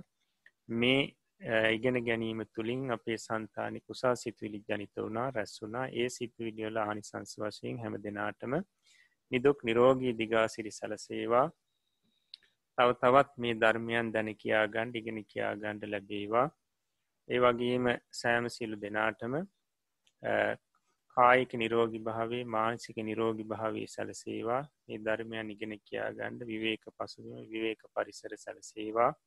සත්පුරුෂ කල්්‍යයාන මිත්‍රයන්ගේ දවපකාරත් ලැබේවා. දිවතා මණ්ඩලේ ධර්මික දේවා රක්ෂාවත් සැලසේවා. හැම දෙනාටම ප්‍රාර්ථනා පරිද්දෙන් උතුම් බෝධි ඥානවලින් නිවනින් සැනසෙන්න්නට මේ උතුම් පුුණ්ි ශක්තියත් ඒ කාන්තයම හේතුප නිෂ්ක්‍රේ වේවා කියලා ප්‍යාශිර්වාද කරනවා. ඒ වගේම අපිට අද අපිට මේ ධර්මයන් කියා දුන්නු ගුරුතුමන් වහන්සේලාටත් අදා වඩා පෝෂණය කරපු දෙමවපියන්ට ශාසනික මවුරු පියවරු සහෝදර සහෝදරියන්ටත් බුද්ධ ශාසනය වෙනුවෙන් කාලේ ධනී ශ්‍රමය වැෑ කල්ලා මේ වෙනකොට ගිලම් බවින් පසුවන හැම දෙනාටමත් මේ වැඩ සටහන විකාශනය කිරීම සඳහා මූලිකත්තරන් කටයුතු කරන හැම දෙනාටමත් ඒවගේම මේ සඳහා තම කාලේ ධනී ශ්‍රමය වැෑකරපු හැම දෙනාටමත් නියවතුම් පුුණ්‍ය ශක්තිය ජීවිතයට ආශිරවාධයක්ම වේවා. නිදුක් නිරෝගී දිගාසිරි සැලසේවා. සම්යක් ප්‍රාර්ථනා මුදුන් පත්තේවා කෙලවර නිවනින් සැනසේවා කියලා ප්‍යාශිර්වාද කරනවා. ශාසනාරක්ෂක ලෝකපාලක ආත්මාරක්ෂකල්පේශාක්‍ය මහේශාක්‍ය දිවිතා මණ්ඩලේටත් මේ පින් දැනේවා පෙනේවා මෙපින් අනුමෝදම් විත්වා. දෙවියෝ සැපෙන් සැපේට පත්වෙත්තා බුද්ධ ශාසනී බුද්ධ ශ්‍රාවකයන් වහන්සේලා නිරතුරුවම ආරක්ෂා කරත්වා. තමනුත් ප්‍රාර්ථනා පරිදුතුම් බෝධිඥානවලින් නිවනින් සැනසෙත්වා කියලපි පුුණ්‍යානුමෝදනා කරමු. මිය පරලෝ ගොස්ස පින් බලාපොරොත්තියෙන් පසුවන හැම දෙනාටමත් මේ පින් දැනී පැනීම පින් අනුමෝදංව තම තමන්ගේ ජීවිත සැපුවත් කර ගනිත්වා ප්‍රාර්ථනා පරිදුතුම් බෝධිඥානුලින් නිවනින් සැනසෙත්වා කියලපි පුුණ්‍යානුමෝදනා කරමු. අවසාන වසයෙන් අප හැම දෙනාටම මේ උතුම් පුුණ්‍ය ශක්තිය සතර මාර්ග සතර පල පිළිවෙලින් නිවනින් සැනසෙන්න්නටම හේතුපකාරවේවා කියන ප්‍රාර්ථනාව ඇති කරගෙන මංකීවට පසුව මේ වාක්‍යය කියමින් නිවන්සුව ප්‍රාර්ථනා කරමු. ඉදම් මේ පුං්ඥකම්මං ධම්මේ පුඤ්ඤකම්මං ආසවක්කයා වහං හෝතු. ආසවක්ඛයාවහං හෝතු. සබ්බ දුක්ඛා පමුංචතු සබ්බ දුක්ඛා පමුංචතු මාගේ මේ පුණ්‍ය ධර්මය මාගේ මේ පුණ්‍ය ධර්මය මාර්ගඵල නිවන් පිණිසම මාර්ගඵල නිවන් පිණිසම හේතු වේවා හේතු වේවා වාසනාව වේවා වාසනාව වේවා සාදු සාදු සාදු. අද දවසේත් මේ උතුම් අභිධර්ම පාඩම තුළින් පෞරාණික තේරවාදය ත්‍රීපිටක අධ්‍යන වැඩසටහනෙහි දා හතරවැනි අභිධර්ම පාඩම තුළින් ලෝතුරා බුදුවමාමෑණියන් වහන්සේ මහා කරුණාවෙන් අපට නිවන් අවබෝධ කර ගැනීම පිණිස අපට සංසාර දුකින් එතරවීම පිණිස මඟ පෙන්නූ කියා දුන්නා වූ ඒ උතුම් ශ්‍රී සද්ධර්මය අපට වටහා ගත හැකි ආකාරයෙන් බොහොම සරලව නිරවුල්ව විශේෂයෙන්ම විග්‍රහ කරමින් විශ්ලේෂණය කරමින් පැහැදිලි කර දෙන්නට යෙදුනා අපේ ගෞරවනීය ස්වාමින් වහන්සේ මහත් වෙහෙසක් ගනිමි. ඉතින් ඒ නිසාවෙන් ඒ තුලින් මේ උතුම් ධර්මය අහනකොට ඉගෙන කියා ගන්නකොට අපිටත් මහා පුදුම ශ්‍රද්ධාවක් හටගන්නවා. ලෝතුරා බුදුරජාණන් වහන්සේගේ ඒ අසීමාන්තික ප්‍රඥාව පිළිබඳවත් මේ සියුම් සිතක් මේ තරං ආකාරයට විචිත්‍රව විස්තරාත්මකව ගම්බීර සියුම්ව නිවැරදිව විග්‍රහ කරන්නට බුදුරජාණන් වහන්සේගේ ඒ අසමසම ප්‍රඥාව මොන තරම්ද කියලා. ඉතින් අද අප අද දවසේත් අපේ ගෞරවනීය ස්වාමින් වහන්සේගේ උත්සාහය අප සෑම සියලු දෙනාට ඒ ධර්මයේ පිළිබඳව තව තව පැහැදෙන්නත් ශ්‍රද්ධාව උපදවා ගන්නත් හේතුපනිශ්‍රය වුණු බව අපි සෑම සිළු දෙනා මේ කාන්තයෙන් දන්නවා. මේ ආදී ලෙස අපි ජනිත කරගත්තා වූ සකල විපුල කුසල සම්භාර ශක්තියම ගෞරවනීය ස්වාමින් වහන්සේට නිදුක් නිරෝගී තිරජීවනය පිණිසත් ස්වාමින් වහන්සේට කායික මානසික සුවපත් භාවය පිණිසත් ස්වාමින් වහන්සේගේ ධර්මශක්තිය සීලාදී ගුණධර්මයන් දියුණු පමුණු කර ගැනීම පිණිසත් ස්වාමීන් වහන්සේගේ පාරමී කුසල් දියුණු පමුණුව ස්වාන්නාන්සේ ප්‍රාර්ථනා කරන්නා වූ බෝධියකින් උතුම් වූ නිවනින් සැනසීම පිණිසත් මේ සම්බුද්ධ ශාසනයේ චිරස්ථිතිය පිණිස වඩ වඩාත් කැපවීම පිණිසත් හේතුපනිශ්‍රය වේවා ශක්තියක් බලයක් වාසනාවක් වේවා කියලා අපි සියලු දෙනාම සාදුකාර දෙමින් ප්‍රාර්ථනා කරමු. ඒ නිසාවෙන් අද දවසේත් මේ උතුම් වැඩසටහනට සහ සම්බන්ධ වෙලා බොහෝම ඕනෑකමින් ඉගෙන කියාගත්ත ඔබ අප සෑම සියලු දෙනාටම මේ උදාහරතර පින්කම නිර්වාණ ගාමිනී කුසලයක්ම වේවා මේ දැක බලාගෙන සතුටු වෙන්නා වූ බෙදා හදා දෙමින් බොහෝ දෙනාට මේ ධර්මය ලාභය ලබා දෙන්නට කටයුතු කරමින් වෙහෙස මහන්සි ගන්නා වූ සිත් පහල කර ගන්නා වූ මේ ධර්මය බෙදා දෙන්නා වූ සෑම සිළු දෙනාටමත් මේ උදාහරතර කුසලය නිවන පිණිසම නිවන් දක්නාතුරු සත්පුරුෂ නිවැරදි ධර්මයම ශ්‍රවණය කිරීමට ලැබීම පිණිසම හේතුපනිශ්‍රය වේවා කියලත් අපි ප්‍රාර්ථනා කරගනිමු.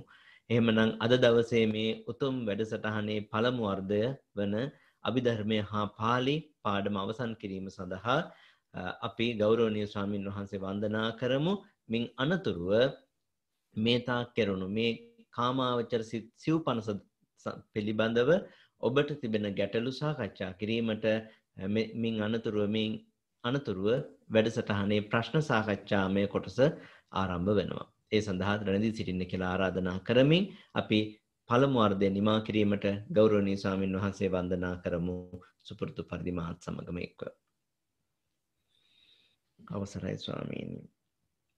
ඕකාස වන්දාමි බන්තේ. මයා කතං පුඤ්ඤං සාමිනා අනුමෝදිතබ්බං. සාදු සාදු අනුමෝදයි සාමිනා කතං පුඤ්ඤං මයිහං දාතබ්බං සාදු අනුමෝදිතබ්බං. සාදු සාදු අනුමෝදාමි. ඕකාස ద్వාරත්තයේන කතං සබ්බං අච්චයන් කමතමේ භන්තේ කමිතබ්බං. සාදෝකාස කමාමි බන්තේ. සුඛී හෝතු. සුපත්තේවා සීලවන්තං ගුණවන්තං පුඤ්ඤක්කෙත්තං අනුත්තරං දුල්ලබේන මයාලද්දං බුන්ද පුත්තං නමාමහං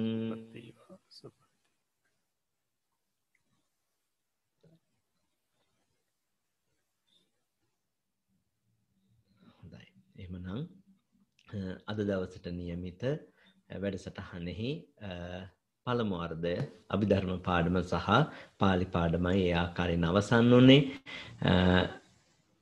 පුරාතුන් මාසයකට අධික කාලයක් තිස්සේ පාඩම් 14ක් ඔස්සේ සිව් මාසයකට ආසන්න කාලයක් තිස්සේ පාඩම් 14ක් ඔස්සේ අපිත් එක්ක සහ සම්බන්ධ වෙලා ඉඳිමින් මේ වන විට අංග සම්පූර්ණයෙන්ම කාමාවචර සිත් සිව් පනස පිළිබඳව අකුසල් සිත් 12 අහේතුක සිත් 18 කාම් කුසල සිත් කුසල් සිත් 8 කුසල් විපාක සිත් 8 සහ සහේතුක ක්‍රියා සිත් 8 ආදී වශයෙන් වූ මේ කාමාවචර සිත් සිව් පනස මේ වෙනකොට අපි අධ්‍යයනය කරලා අවසන් කරලා තියෙනවා. ඉතින් මේ සම්බන්ධයෙන් ඔබට යම් ගැටලුවක් ප්‍රශ්නයක් තිබෙනවා නම් සාකච්ඡා කළ යුතු කාරණයක් තිබෙනවා නම් ඔබට පුළුවන් ඍජුවම සම්බන්ධ වෙලා මේ ප්‍රශ්න ටික යොමු කරන්න. ඒ සඳහායි ඔබට මේ අවස්ථාව